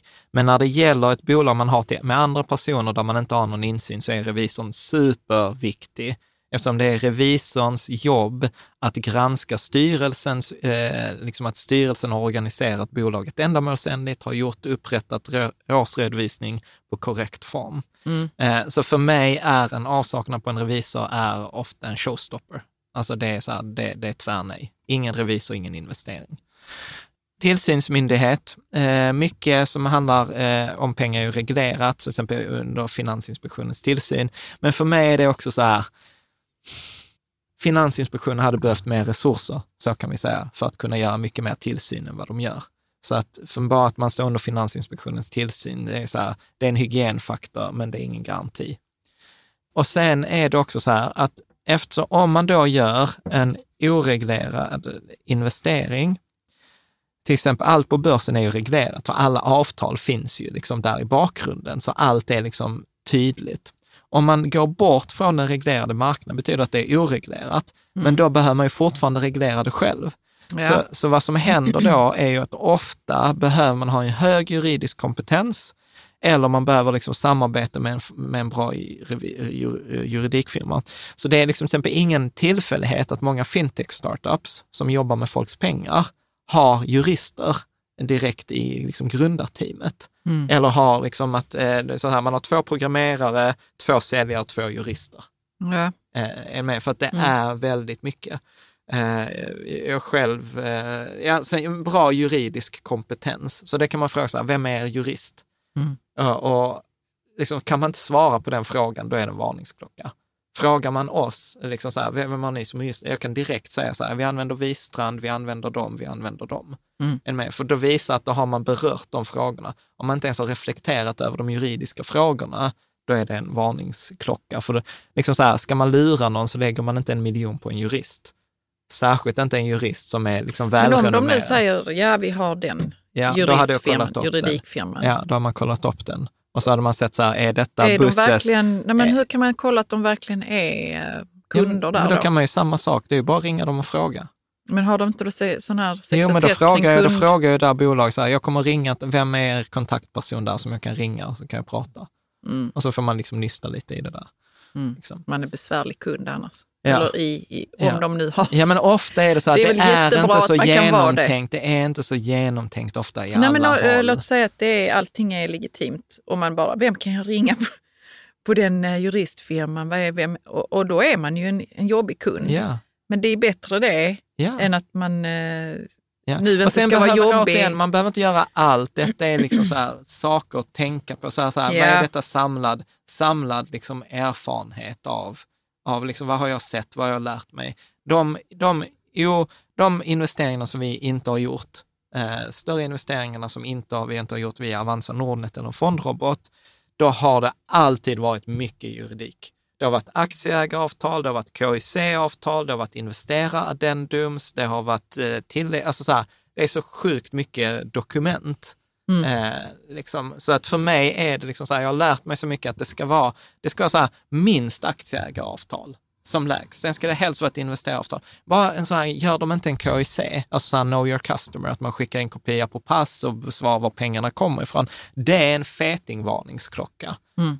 Liksom för att alla som hanterar pengar måste ta reda på pengarnas ursprung. Det är därför vi måste alltid på Avanza svara med jämna mellanrum. Så här, var kommer pengarna? Hur ofta ska du göra en insättning? Äger du pengarna? Är du politiskt utsatt person? Eh, liksom, ja. eh, etc. Så att man kan ju tycka att, eh, återigen, få skulle ju liksom, så, om man är bedragare, att man lägger liksom all den här tiden på, på liksom juridiken. Mm. Eh, så så frågor ställa här, be om kontaktuppgifter till revisionsfirma eller juristfirma, kontakta dem. Och sen återigen, allt är inte så att man måste ha en revisionsfirma, man måste ha en juristfirma. Alltså så här, det är inte så. Vissa behöver bara revisor, andra har jurist och revisor. Så att det är ingen naturlag. Att äh, allt det ska nej. vara på plats? Nej. nej. Fråga om organisationsnummer, kontrollera dem, eh, det kan man slå. Fråga om tillsynsmyndighet. Eh, detta kommer från Finansinspektionens hemsida. Säger bolaget att det krävs inte tillsyn, vilket, vilket är korrekt i, i vissa fall, då, då, får, då får man gärna kolla, är det korrekt att det inte kräver tillstånd? Då kan man ringa till Finansinspektionen och fråga, du, så här, jag tänkte investera i detta bolaget, det är ett litet onoterat bolag med mina kompisar, eh, vi, kommer vi behöva tillstånd från er? Så kan de säga så här, nej, ni är ett privat bolag, det krävs ingen tillsyn. Okej? Okay? Mm. Eh, och sen kan man fråga sig också så här, detta var ett tips från konsumenternas, fråga sig var man kan vända sig vid tvist. Vilket försäkringsbolag använder man? Också så här, har du ett påhittat bolag, varför skulle du teckna ett, äh, betala för en försäkringsbolag? Ja, precis. Eh, liksom. Bra. Näst sista eh, här. Eh, Komplicerad strategi har du skrivit. Ja. Ofta eh, är det ju liksom så här att det ska vara, det var, vi var inne på detta egentligen, så vi kan ta detta ganska snabbt. Man ska kunna förklara detta för en nioåring mm. och de ska kunna liksom förstå. Och grejen är så här att varje, jag brukar säga så här, jag har ju föreläst väldigt mycket och en tumregel är, ju större publik, desto färre frågor. Eller ju större publik, desto oskyldigare frågor. Mm. Är du med? Så att eh, förutom digitala möten, för då sitter man inte i en publik, så då man har man inte alls samma, så då Nej, känner man sig inte. Så då kan man få sjukt mycket frågor. Men annars i en grupp, eh, så att vad, vad många sådana här bedragare utnyttjar är ju att man vill inte framstå som dum, man vill inte framstå som icke påläst. Eh, jag, jag var i ett möte bara häromdagen, jag var så här, shit, jag är inte påläst i detta mötet. Och då ställer man inga frågor. Liksom. Så att där är, så att en komplicerad strategi för mig är en stor varningsklocka. Så att jag gillar därför liksom frågorna så här, kan jag förklara detta för någon annan? Om jag inte kan förklara detta för någon annan, då har jag inte fattat det själv. Och jag gillar aktiespararnas generella tips som är så här, om du inte förstår, skit i det. Mm. Liksom. Mm. Kan jag själv med sunt förnuft resonera mig fram till svar på följdfrågor? Hur borde det vara egentligen? Och om jag inte kan liksom lista ut ens själv... Vad, är, vad då för följdfrågor? Nej, men säg till exempel att jag investerat i onoterat bolag mm. och eh, så blir jag så här, men vänta här nu, om bolaget gör utdelning, har jag rätt till den utdelningen? Mm. Då borde man säga, vänta, jag äger en andel av företaget, om det gör en utdelning, ja då borde den tillfalla mig. Mm. Eller om företaget ger ingen utdelning, tillfaller det värdet mig i alla fall? Så bara, ja, jag äger fortfarande en procentuell andel av det företaget, så ja, det borde tillfalla mig. Och så står det så här, med sunt förnuft eh, kan jag liksom resonera mig fram till det där. Mm. Frågan som vi var inne på innan i förra avsnittet, förstår jag var pengarna kommer ifrån, hur vinsten skapas? Förstår jag riskerna? Har jag fått riskerna dokumenterat? Eh, och förstår jag också kostnaderna? Och få dem dokumenterade. Vad är det, när är det till exempel jag kommer att betala för att få lov att göra den investeringen? Vad är själva investeringen? Många sådana här exempel där finansiella, dåliga finansiella rådgivare, här, men investera här en miljon kronor i detta, så blir det skitbra, så rådgivningen är gratis. Sen tar de 8 procent av eh, beloppet. Ja, utan att, utan kanske att det säga det först. Mm. Mm. Tar vi nästa varningsklocka, nummer åtta. Ja. Korta deadlines, intensivt och fear of missing out. Ja. Nej, men, intensivt, vad betyder det? Jo, men det är, det är mycket, så, här, mycket på. Alltså mm. så här, att nu måste du göra detta, du måste bestämma dig nu och är du inte med nu innan eh, den här rundan stänger så kommer du missa den. Men så kan det ju vara i verkligheten med ju. Absolut. Just när det handlar om eh, alternativa investeringar som man gör på någon, där det är en tidsperiod när man ska göra saker. Så kan det ju vara. Så är det. Men så är det ofta. Men då vet, Men det man ofta, då vet de ofta i förväg och återigen, det finns alltid undantag. Mm. Jag själv har drivit projekt där det har varit korta deadlines eh, eh etc. Och då får man väl liksom försöka kompensera med andra saker som mm. mycket hög transparens genom att ja. svara på frågor, genom att berätta varför det är korta deadlines, kunna peka på externa faktorer, varför det är den här deadlinen men inte, men liksom så här, i, i många sammanhang så blir de här deadlinesen påhittade. Alltså förstår du, det påhittade, det, äh, du måste vara med nu. Och ofta kommer det som en, liksom från sidan. Alltså från sidan att de ringer på kvällen och säger så nu är det så här att ja. nu så stänger det snart. Ja. Eller jag vet inte ens ja. vad det är för deadline som man skulle det, kunna hitta och det, på. Och det kan vara legit. Okay? Det kan vara legitimt. Till exempel nu under 2020 så var det någon börsnotering som blev så övertecknad att deadline var på måndagen men de stängde redan på fredagen. Mm. Och då var det så här, jag skulle vara med, plötsligt hade man bara fyra timmar istället för fyra dagar. Med. Men då var, fanns det en förklaring, ja, de var övertecknade, det fanns ingen anledning att ta in mer kapital göra folk ännu mer besvikna, utan det var så här, nej men då stänger vi nu. Mm. Är du med? Men då fanns det liksom en, en, en, förklaring. Så att, så att jag, liksom, när, när jag läste på polisens hemsida så sa de så här att ja, men där är bedragare som har hållit relation under lång tid, hundratals samtal. Och till slut så kommer det liksom något av där de vill liksom så stänga sin affär. Ja, och då är det... Ja. Så att Korta jag, deadlines. Ja, jag personligen hatar, det är också så här, vi blev brända på de här jävla bankcertifikaten för mm, många år sedan. Mm. Då var det också så här, ja, men måste bestämma er nu, men vi ska gå på planet. Ja, men du vet, så här, möjligheten är borta när ni landar. Liksom. Och idag hade jag så här, vet du vad, ta dig där bak. Liksom. Så att jag, idag är det så här att jag ska bli stressad kring någonting, då skiter jag hellre eh, i det. Man ska också vara medveten om att om man har vänner som håller på med och också liksom ska göra detta eller som har introducerat en, ja. då Alltså man måste vara mentalt stark där ja, om man ska ja. säga ta dig där bak. Ja, ja men, eh, alltså, så här, men just den här fear of missing out är en jättestark drivkraft. Mm. Jag har ju sett det i flera sammanhang. Du vet, folk är med bara, ah, alla gör detta, jag vill inte vara med. Jag, jag, jag skrev ju till och med en artikel på Patreon som var så här, FOMO är inte en bra anledning till att investera. Liksom. Eh, och det är så många som investerar på grund av den här fear of missing out. Så att nej, det är, det är en varningstecken. Om jag känner en rädsla för att shit, jag vill inte missa den här investeringen eller jag, det är så här, då, då, är, då, då, då, har man liksom, då är smart sparande inte spännande. Då plötsligt har det blivit spännande eller det har blivit känslomässigt. Utan är det, där, där finns, det kommer alltid nya tåg från stationen. Är det en bra grej, då kommer det komma fler möjligheter. Du behöver inte vara med på allt. Liksom. Nej. When in doubt, get out. Mm. Uh, är väl en liksom sån, det har jag inte ens med här. Det bara kom till mig. uh, bra. Och tänk också på så här, du är inte moraliskt skyldig rådgivaren någon eller någon annat någon. Alltså så här, du behöver driva din agenda, deras jobb är att driva sin agenda. Mm. Alltså ibland, vi brukar skoja om det med vår tvååring, som liksom så här, du vet, kletar och liksom så här, liksom utforskar. När, hos, när vi sitter och äter, ja. ja. Mm. Och jag, du vet, du kan ju bli helt vansinnig. Jag, är så här, jag kan också bli vansinnig. Det är mer om det går överstyr så vet jag så att det ja. kommer bli jobb sen. Ja. Och, Men jag vet också att det är hennes jobb. Ja. Det är hennes jobb. Att så, utforska, att, att, att ta... kleta ner. Ja, och jag, som jag, vi skojade om, så här, hennes kreativitet är ju långt mycket högre än, är större än vad vår är. För vem kunde tro att man kunde göra så mycket saker med potatismos? liksom. ja. Vad? Ja. Nej, det är klart. Ja. Vi borde också göra det. Vi kanske hade insett ett och annat. Ja.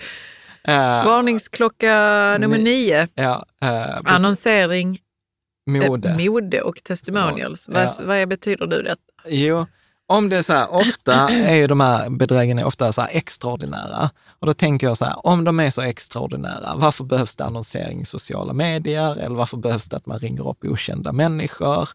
Eller liksom, och, och, och de här, många av de här bedrägerierna, de är ju ofta med det som är på modet just nu. Ja, men du eh, tänker på kryptovaluta kanske? Eller till vad exempel kan det mer vara för någonting? guld, guld ja. eh, vissa teknikaktier, mm. eh, småbolagsaktier. Alltså man hakar ju alltid på den trenden, det som är mode. Mm. Det är ju liksom ingen som skulle liksom tycka så här, ja men eh, nu kör vi ett bedrägeri i indexfonder. Eller någon, någon, någonting. Liksom, någonting som alltid alltså, finns, ja, tänker som? Är, och som är liksom trist och tråkigt. Mm. Det ska ju vara lite sexigt, för hur ska du annars fånga intresset? Nej, det är sant, det ska vara sexigt. Ja. Så att ofta är det så här i media. Liksom. Eh, eh, jag tänker så här generellt, man behöver och bör inte investera i det som är populärt just nu. Mm. Oftast har ju det tåget redan gått. Mm. Det har vi pratat om i den här börsbubblans faser. Yeah. Att, eh, att när något blir populärt, då har ju liksom då, har, då är det ju redan på väg mot toppen. Liksom. Mm. Det var som Kavastu sa, så här, tricket med att investera är att gå ut i skogen, hitta kantarellerna innan de andra hittar dem, ställa sig där och vänta tills de andra kommer dit. Om och sälja dem då. Och sälja dem då, ja. ja. För jag fattar aldrig så. Fan, ska man stå där och de andra kommer dit och plockar dem? Eller vad menar han? Ja. ja. Nej, då säljer man dem. Och sen var det en, en av våra kompisar som också så här 30 år i finansbranschen, han sa så här, Jan, om det finns testimonials som låter överdrivna, som att folk har vunnit på Lotto, då är det också ofta, då, säger, då springer jag därifrån, sa han. Och det är ofta så här, nu har jag sagt upp mig och nu tjänar jag 3 000 kronor om dagen eller nu tjänar jag 10 000 i veckan på det här. Jag har köpt en Ferrari. Alltså det är så här, den som köper en Ferrari har oftast inget behov att berätta om det på, liksom, på det sättet i en annons. Kanske på sin Facebook-sida, men inte i en annons liksom, eh, ja. det börjar bli så här, är det sant Men jag alltid? tänker också så, är det sant alltid? jag tänker, alltså i, i en del kretsar så kanske det är så att man gärna man vill köp- vara in köper- testimonial och köper- berätta om vad man har lyckats med i livet. Ja, men jag fattar att det kan man ju vilja göra på sin egen, så här, men sen att köpa annonsering för att berätta det, om det för okända människor. Testimonials är väl när ett företag vill att, ens, att kunderna Ja. ska berätta om. Ja, ja, vad de har om- fått ut av. Ja, precis. Alltså och då, om man då säger att jag har kunnat köpa en Ferrari så är det ju, Ja, det, men, man får ju gratis uppmärksamhet. ja, man får gratis uppmärksamhet, men då är det också ofta så här, de som, ja, återigen, de som vi känner som har Ferraris, det har varit hårt jobb under många år. Det har inte varit sexigt, alltid. Liksom. Nej. Vem så- känner vi som har Ferraris egentligen? Jag vet lite folk som Ja, har jag Ferraris. vet ingen. Ja. Skönt. Ja, eh, och Porschar framför allt. Jag har så, du vet, jag har en kompis som bara, du Jan, säg till när du ska ha en Porsche. Jag har, jag har en bra, bra kontakt på Porsche sen. Så det så. här. Ja, vi, Jag, jag tänker så, varför vill man, kan man, vill man inte ha vintage? Finns det sådana? jag vet inte. De är ju Nej, vi, fräsiga nej vi, vi går vidare och billigare väl? Nej, många gånger inte. Nej. Så, Vi vill inte bra, ha det i bra, alla fall. Bra fråga att ställa sig. Varför marknadsförs detta på det sättet som det görs? Det är Ja. fråga nummer ett. Och är försäljningsargumenten FOMO eller är försäljningsargumentet att du är en idiot om du inte gör detta? Då är det liksom en varningsklocka. Okej? Åh, ja. Vad? Alltså det här med att säga så du är dum om du inte gör det. Ja, men det är det här att du kommer hamna efter dina peers. Om jo, du men jag vill bara det. veta så, hur låter det?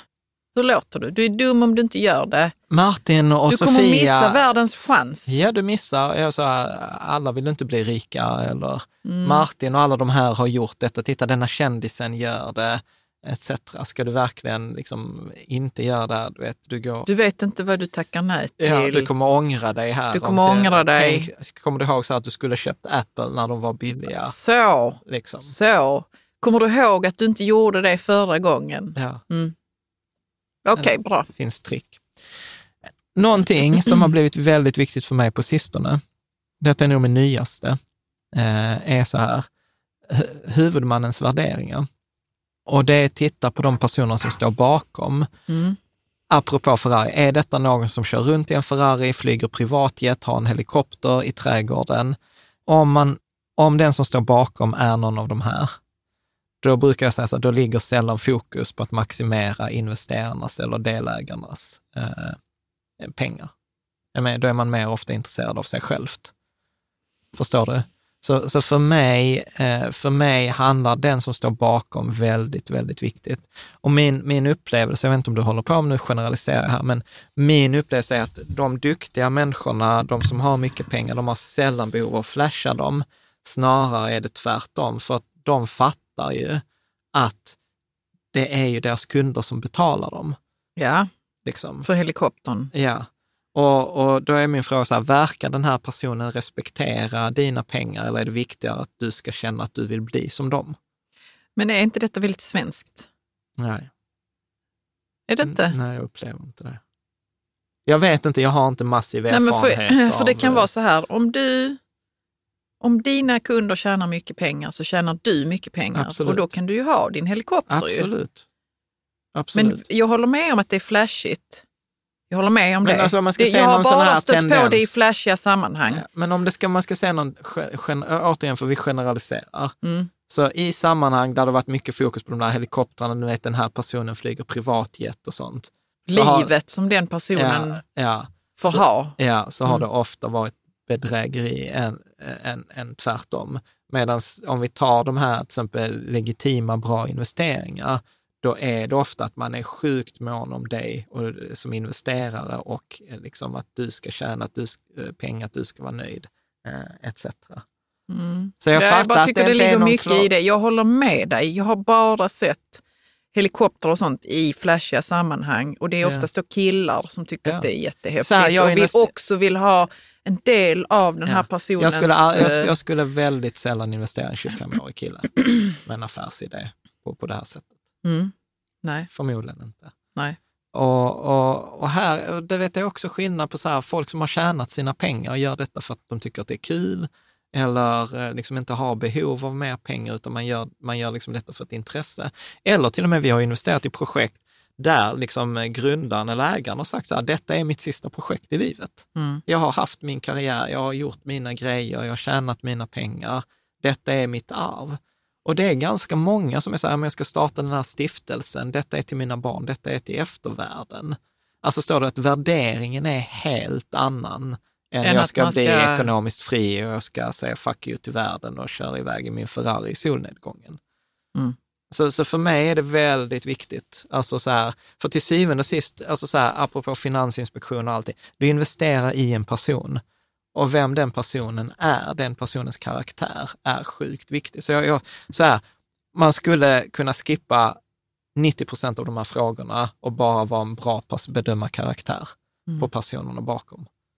Um, och hur gör man det då? Ja, ja, ja, jag vet inte. Hur blir man en bra människokännare? Ingen aning. Liksom. Jag är ju dålig på det Ja, nu får man lära sig. Jag tror ja, man måste är... bara ta in en massa parametrar från ja. den personen och om, ja. omgivningen runt ja. om. Ja, jag är generellt sett dålig, jag är så naiv. Men eftersom jag är naiv, då har jag ju också, det kommer vi nu här absolut i slutet, då har jag gjort det till en strategi. Mm. Jag, säger, ja, men jag litar på människor, jag investerar 5 000 spänn eller 10 000 spänn eller, eller liksom vad som nu funkar. Och så är jag så här, det ska bli spännande att se blir jag nu liksom så här, det är ett ganska billigt sätt att få reda på någons karaktär för 5 000 spänn eller 10 000 spänn eller till och med 100 000 kronor. Absolut så, men... Mm. Förstår du? För, att det, det, för, för mig, för jag tänker ju på detta lite asymmetriskt, så som vi pratar med Taleb. Om jag kan begränsa nedsidan, så kan ju uppsidan få vara oändligt stor. Förstår du? Att om jag hittar de här människorna jag kan lita på, om jag kan hitta de här människorna jag gör affärer med, så kan jag ha dem, jag är 39 år gammal, jag kan ha dem i 30 år till och göra affärer med. Eller hur? Om jag då, om jag då kan få reda på det så snabbt som möjligt, ja fine. Absolut, men om du nu sätter 5 000, ja, eller och hur, kommer du, hur har du koll sen på den här personens eh, liksom, värderingar? Nej, men ta till exempel det här estniska bolaget som jag håller på att testa nu, som jag har testat i två år. Så säger jag så här, blir det några pengar av detta? Kan jag ta ut pengarna? Kan jag prata med dem? Eh, du vet, jag ville ha ett möte med vdn eh, och de där absolut, och du får skriva på ett NDA. Och jag var så här, alltså ett sekretessavtal. Och jag bara så här, shit, vet här någon som har tänkt på juridiken, mm. till exempel. Eller att eh, jag blir liksom inkluderad där, ja men du kan flyga över här till Estland och träffa oss på kontoret och så kan vi åka ut och titta på projekten. Mm. Och så är jag så här, fan vad nice, liksom. Alltså hade det varit skumt så hade de aldrig sagt så här, flyg över här till oss och Jo, det kunde de väl göra om de tänker att det kommer du inte göra, du är ju i, i Malmö. Ja, men... Ja, nej, okej, okay, det här är en diskussion som också kan urarta. Därför det är så knivigt att ta reda på någons värderingar. Ja, det är klart det är. Men, men det är därför jag tror på det här med, över tid. Mm. Eh, liksom, och det är därför jag också så här, jag säger så, så här, tiden återkommer. Ja, ja, och investeringsvärden med är väldigt liten. Mm. Så att liksom what comes around goes around. Alltså, det, det, är faktiskt så. Man vill, ja, jag skulle inte blåst en investerare, liksom, för det är så kortsiktigt. Mm. Förstår du? Om man nu ens hade man haft den ambitionen. Mycket på det. Framtida för du, du kommer inte kunna göra nästa affär. Mm. Liksom. Bra. Mm. Så att sen, eh, sen så finns det eh, liksom bra saker. Till exempel i Sverige det är inte så många som vet, men vi har nu med ett huvudmannaregister så man kan kolla vem som äger vilket bolag, vem som står bakom det, etc. Man kan ofta kolla de här huvudmännen, alltså vem är det som står bakom bolaget i sociala medier? Vad är det som verkar viktigt för dem i sociala medier? är ganska intressant att, att titta. Eh, en bra fråga jag brukar ställa så här, varför gör du det här? Vad är liksom, what's in it for you? Och, och till exempel, jag märker det, så det är så himla intressant. Till exempel, jag satt i ett möte här veckan och så pratade jag med, med en partner om samarbete och deras, hela tiden återkom de till, så här, jo men det är klart att om du hjälper oss så ska du tjäna pengar på det. Och det är så här, jag hade inte ens tagit upp att jag ville ha en ersättning, utan för mig var det viktigare att jag kunde skicka dem, mina läsare eller våra följare, till en bra aktör. Sen om jag fick betalt eller inte, det, det var inte ens liksom sekundärt, utan det jag ville veta var så här, hur jobbade de, vad gör de, eh, hur ser det ut? Och då märkte jag så här, fan, okej, okay, för dem är det viktigt med pengar. Mm. Och då var jag så här. Okay, Eller viktigt på ett annat plan än ja, vad det vad kanske det för, borde vara. Var för mig. Mm. Eller så var det bara en spegling av att när de tidigare gjort samarbeten som varit viktigt för pengar och de ville liksom vara måna om att Absolut, vi skulle ha ett samarbete. Mm, det får man ju nästan fråga. Men så. det är ändå så här, för mig blir det ändå så här. Men hur, liksom. får jag bara fråga, så vad mm. sa du då då? Jag sa att det är inte det viktiga för mig. Att Nej. jag är mer mån om att mina kunder är nöjda. För jag tror genuint, är mina kunder nöjda, om jag kan hjälpa andra människor få det de vill ha, så kommer de hjälpa mig få det jag vill ha. Så att fuck it, att vad jag vill ha först, ge dem det de vill ha, så kan jag alltid lista ut vad jag vill ha i efterhand och jag kommer få det. Mm. Men det är en värdering, så att eh, det är ju ingen sanning. Det är min privata värdering. Mm. Bra. Fråga om referenser till huvudmännen. Har de här duktiga människor har gjort andra människor rikare? Mm. Det är detta jag hatar med Trump. Så här, svårt att hitta någon som han har gjort rikare. Utan allt man läser om är så här, folk som har blivit blåsta, när han gått i konkurs eh, etc. Alltså jag är, låt oss inte ta upp Trump, nej, Jan. Därför nej. att jag är ytterst skeptisk till hur media hanterar ja, honom. det håller jag med om. Att vi... Och vad som skrivs om honom, det känns ju som man blir ja, fulmanipulerad. Ja. Låt oss bara säga så här, det är viktigt att den som... Duktiga människor, ja. duktiga människor kan visa på andra människor de har gjort rikare. Yes. Punkt. Punkt. Bra. Och sen hur mycket pengar går i avgifter eh, till huvudmännen? Mm. Liksom. Eh, så att eh, det, det är också, liksom, så hur mycket hamnar i deras, deras ficka? Så. Och där kan jag ju säga, till exempel projekt jag har drivit, då har jag ju sagt så alltså många gånger, så här, jag jobbar, eh, vi delar på risken, ja, du investerar pengar, jag investerar också pengar så att vi sitter i samma båt. Jag som har kommit på idén, jag, jag tar en större del av risken, så till exempel jag jobbar gratis. Blir det vinst så delar vi på vinsten. Så har jag gjort i bolag jag har startat och i andra situationer. För jag tycker det är, så här, det är det schyssta sättet att göra det på. Men så resonerar obviously inte alla. Bra. Du är du en bra kille, ja. Nej, men, men sånt här stör mig. Sånt här stör mig och det, det, det är subjektivt och det är på värderingsnivå. Ja, jag, fattar, det. jag fattar det. Och jag har inte rätt, jag sitter inte på någon sanning eller någonting sådant, men det är bara hur jag tänker. Bra. Eh, slutligen, som vi var, nu är detta repetition för det var vi pratat om, förstå vad problemet är. I, I alla möjligheter så finns det ett problem. Om det inte finns ett problem så finns det ingen anledning av dina pengar och finns det ingen behov av dina pengar så finns det ingen möjlighet. Nej. Så fatta vad problemet är. Va, va, vad är det för problem som dina pengar ska lösa? Mm.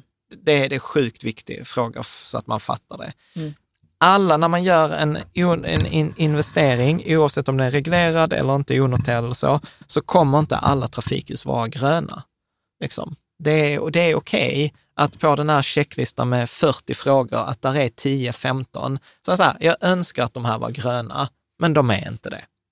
Och då får man liksom värdera då att vissa är kanske viktigare än andra. Mm. Revisor, till exempel krav, för mig är så här, svinviktig. Det spelar ingen roll att det är 39 gröna lampor om det inte finns revisor. Då mm. blir det inte en affär. Så där får man liksom internt eh, själv eh, fundera på. Mm. Eh, så, så tricket här är ju att göra en balanserad bedömning och den får man bara genom att liksom testa. Mm. Och då, då kommer vi in på liksom det här sista. Så om jag nu ska testa, då är det viktigaste när man ska göra en spekulation att att ta, ta, alltså managera, alltså hushålla med pengarna och med risken. Och jag tänker liksom så här att jag vill kunna hantera den här situationen. Tänk om jag har gjort helt fel. Alltså förstå, tänk om jag har gjort helt fel i min research. Det vill säga, vad händer om det går åt helvete och jag förlorar pengarna, så jag blir lurad? Mm, eller att det är legitimt och det går åt helvete ändå.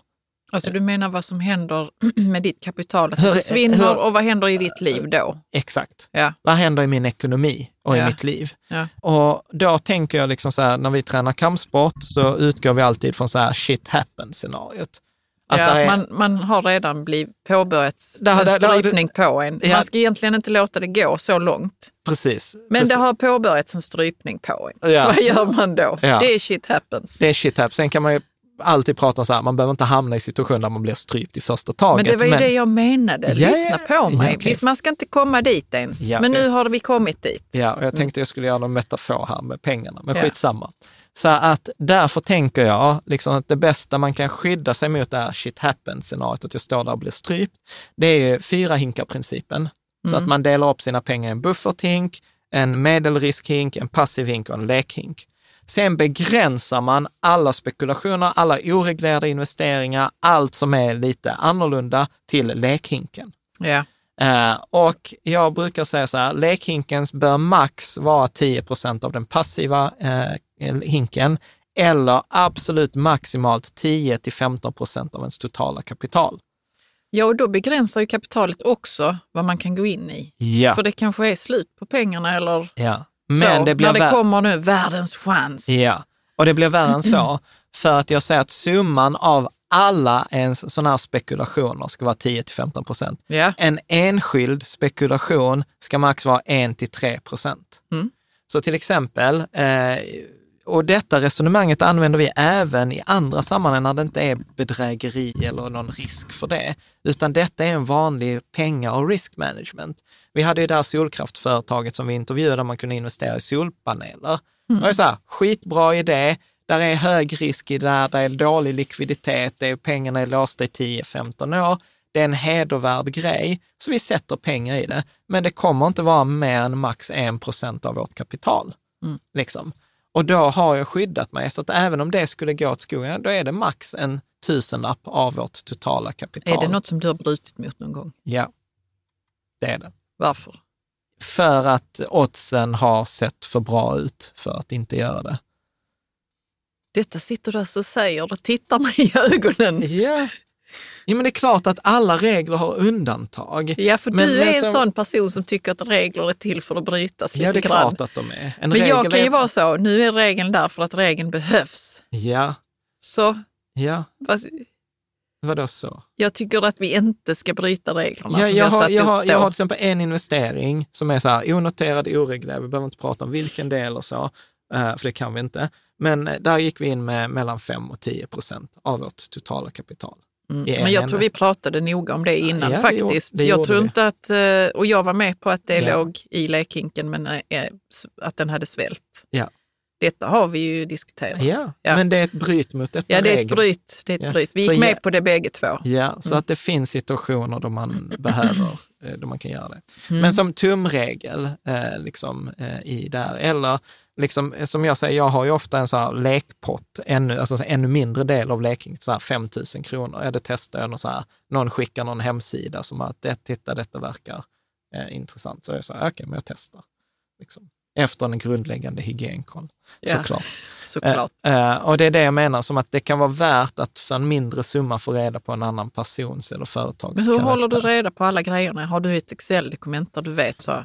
För det är också det att man vill kolla upp hur det Ja. har gått ju. Ja. Och då kan man, får man inte glömma bort. Nej, jag använder ju Spirecta till det. Vi kommer att prata mer om vårt ekonomiverktyg Spirecta. Mm. Bra, detta var allt. Nu har vi pratat två, tre och en halv timme Nej, ja, Mm. sammanlagt med båda avsnitten. ja, om, eh, om det här. Så vad har vi missat, förutom att jag hade ett totalfel på Sveriges statsskuld? Eh, kom gärna med eh, liksom, tips eller erfarenheter eller varningsklockor och sånt som vi har, som vi har missat, så kan vi liksom testa att göra detta tillsammans. Mm. Med det så återstår väl egentligen och att bara säga så här, eh, tack för ditt tålamod, tack för att du följer Ja. oss, tack för att du lyssnar och eh, på, på återseende.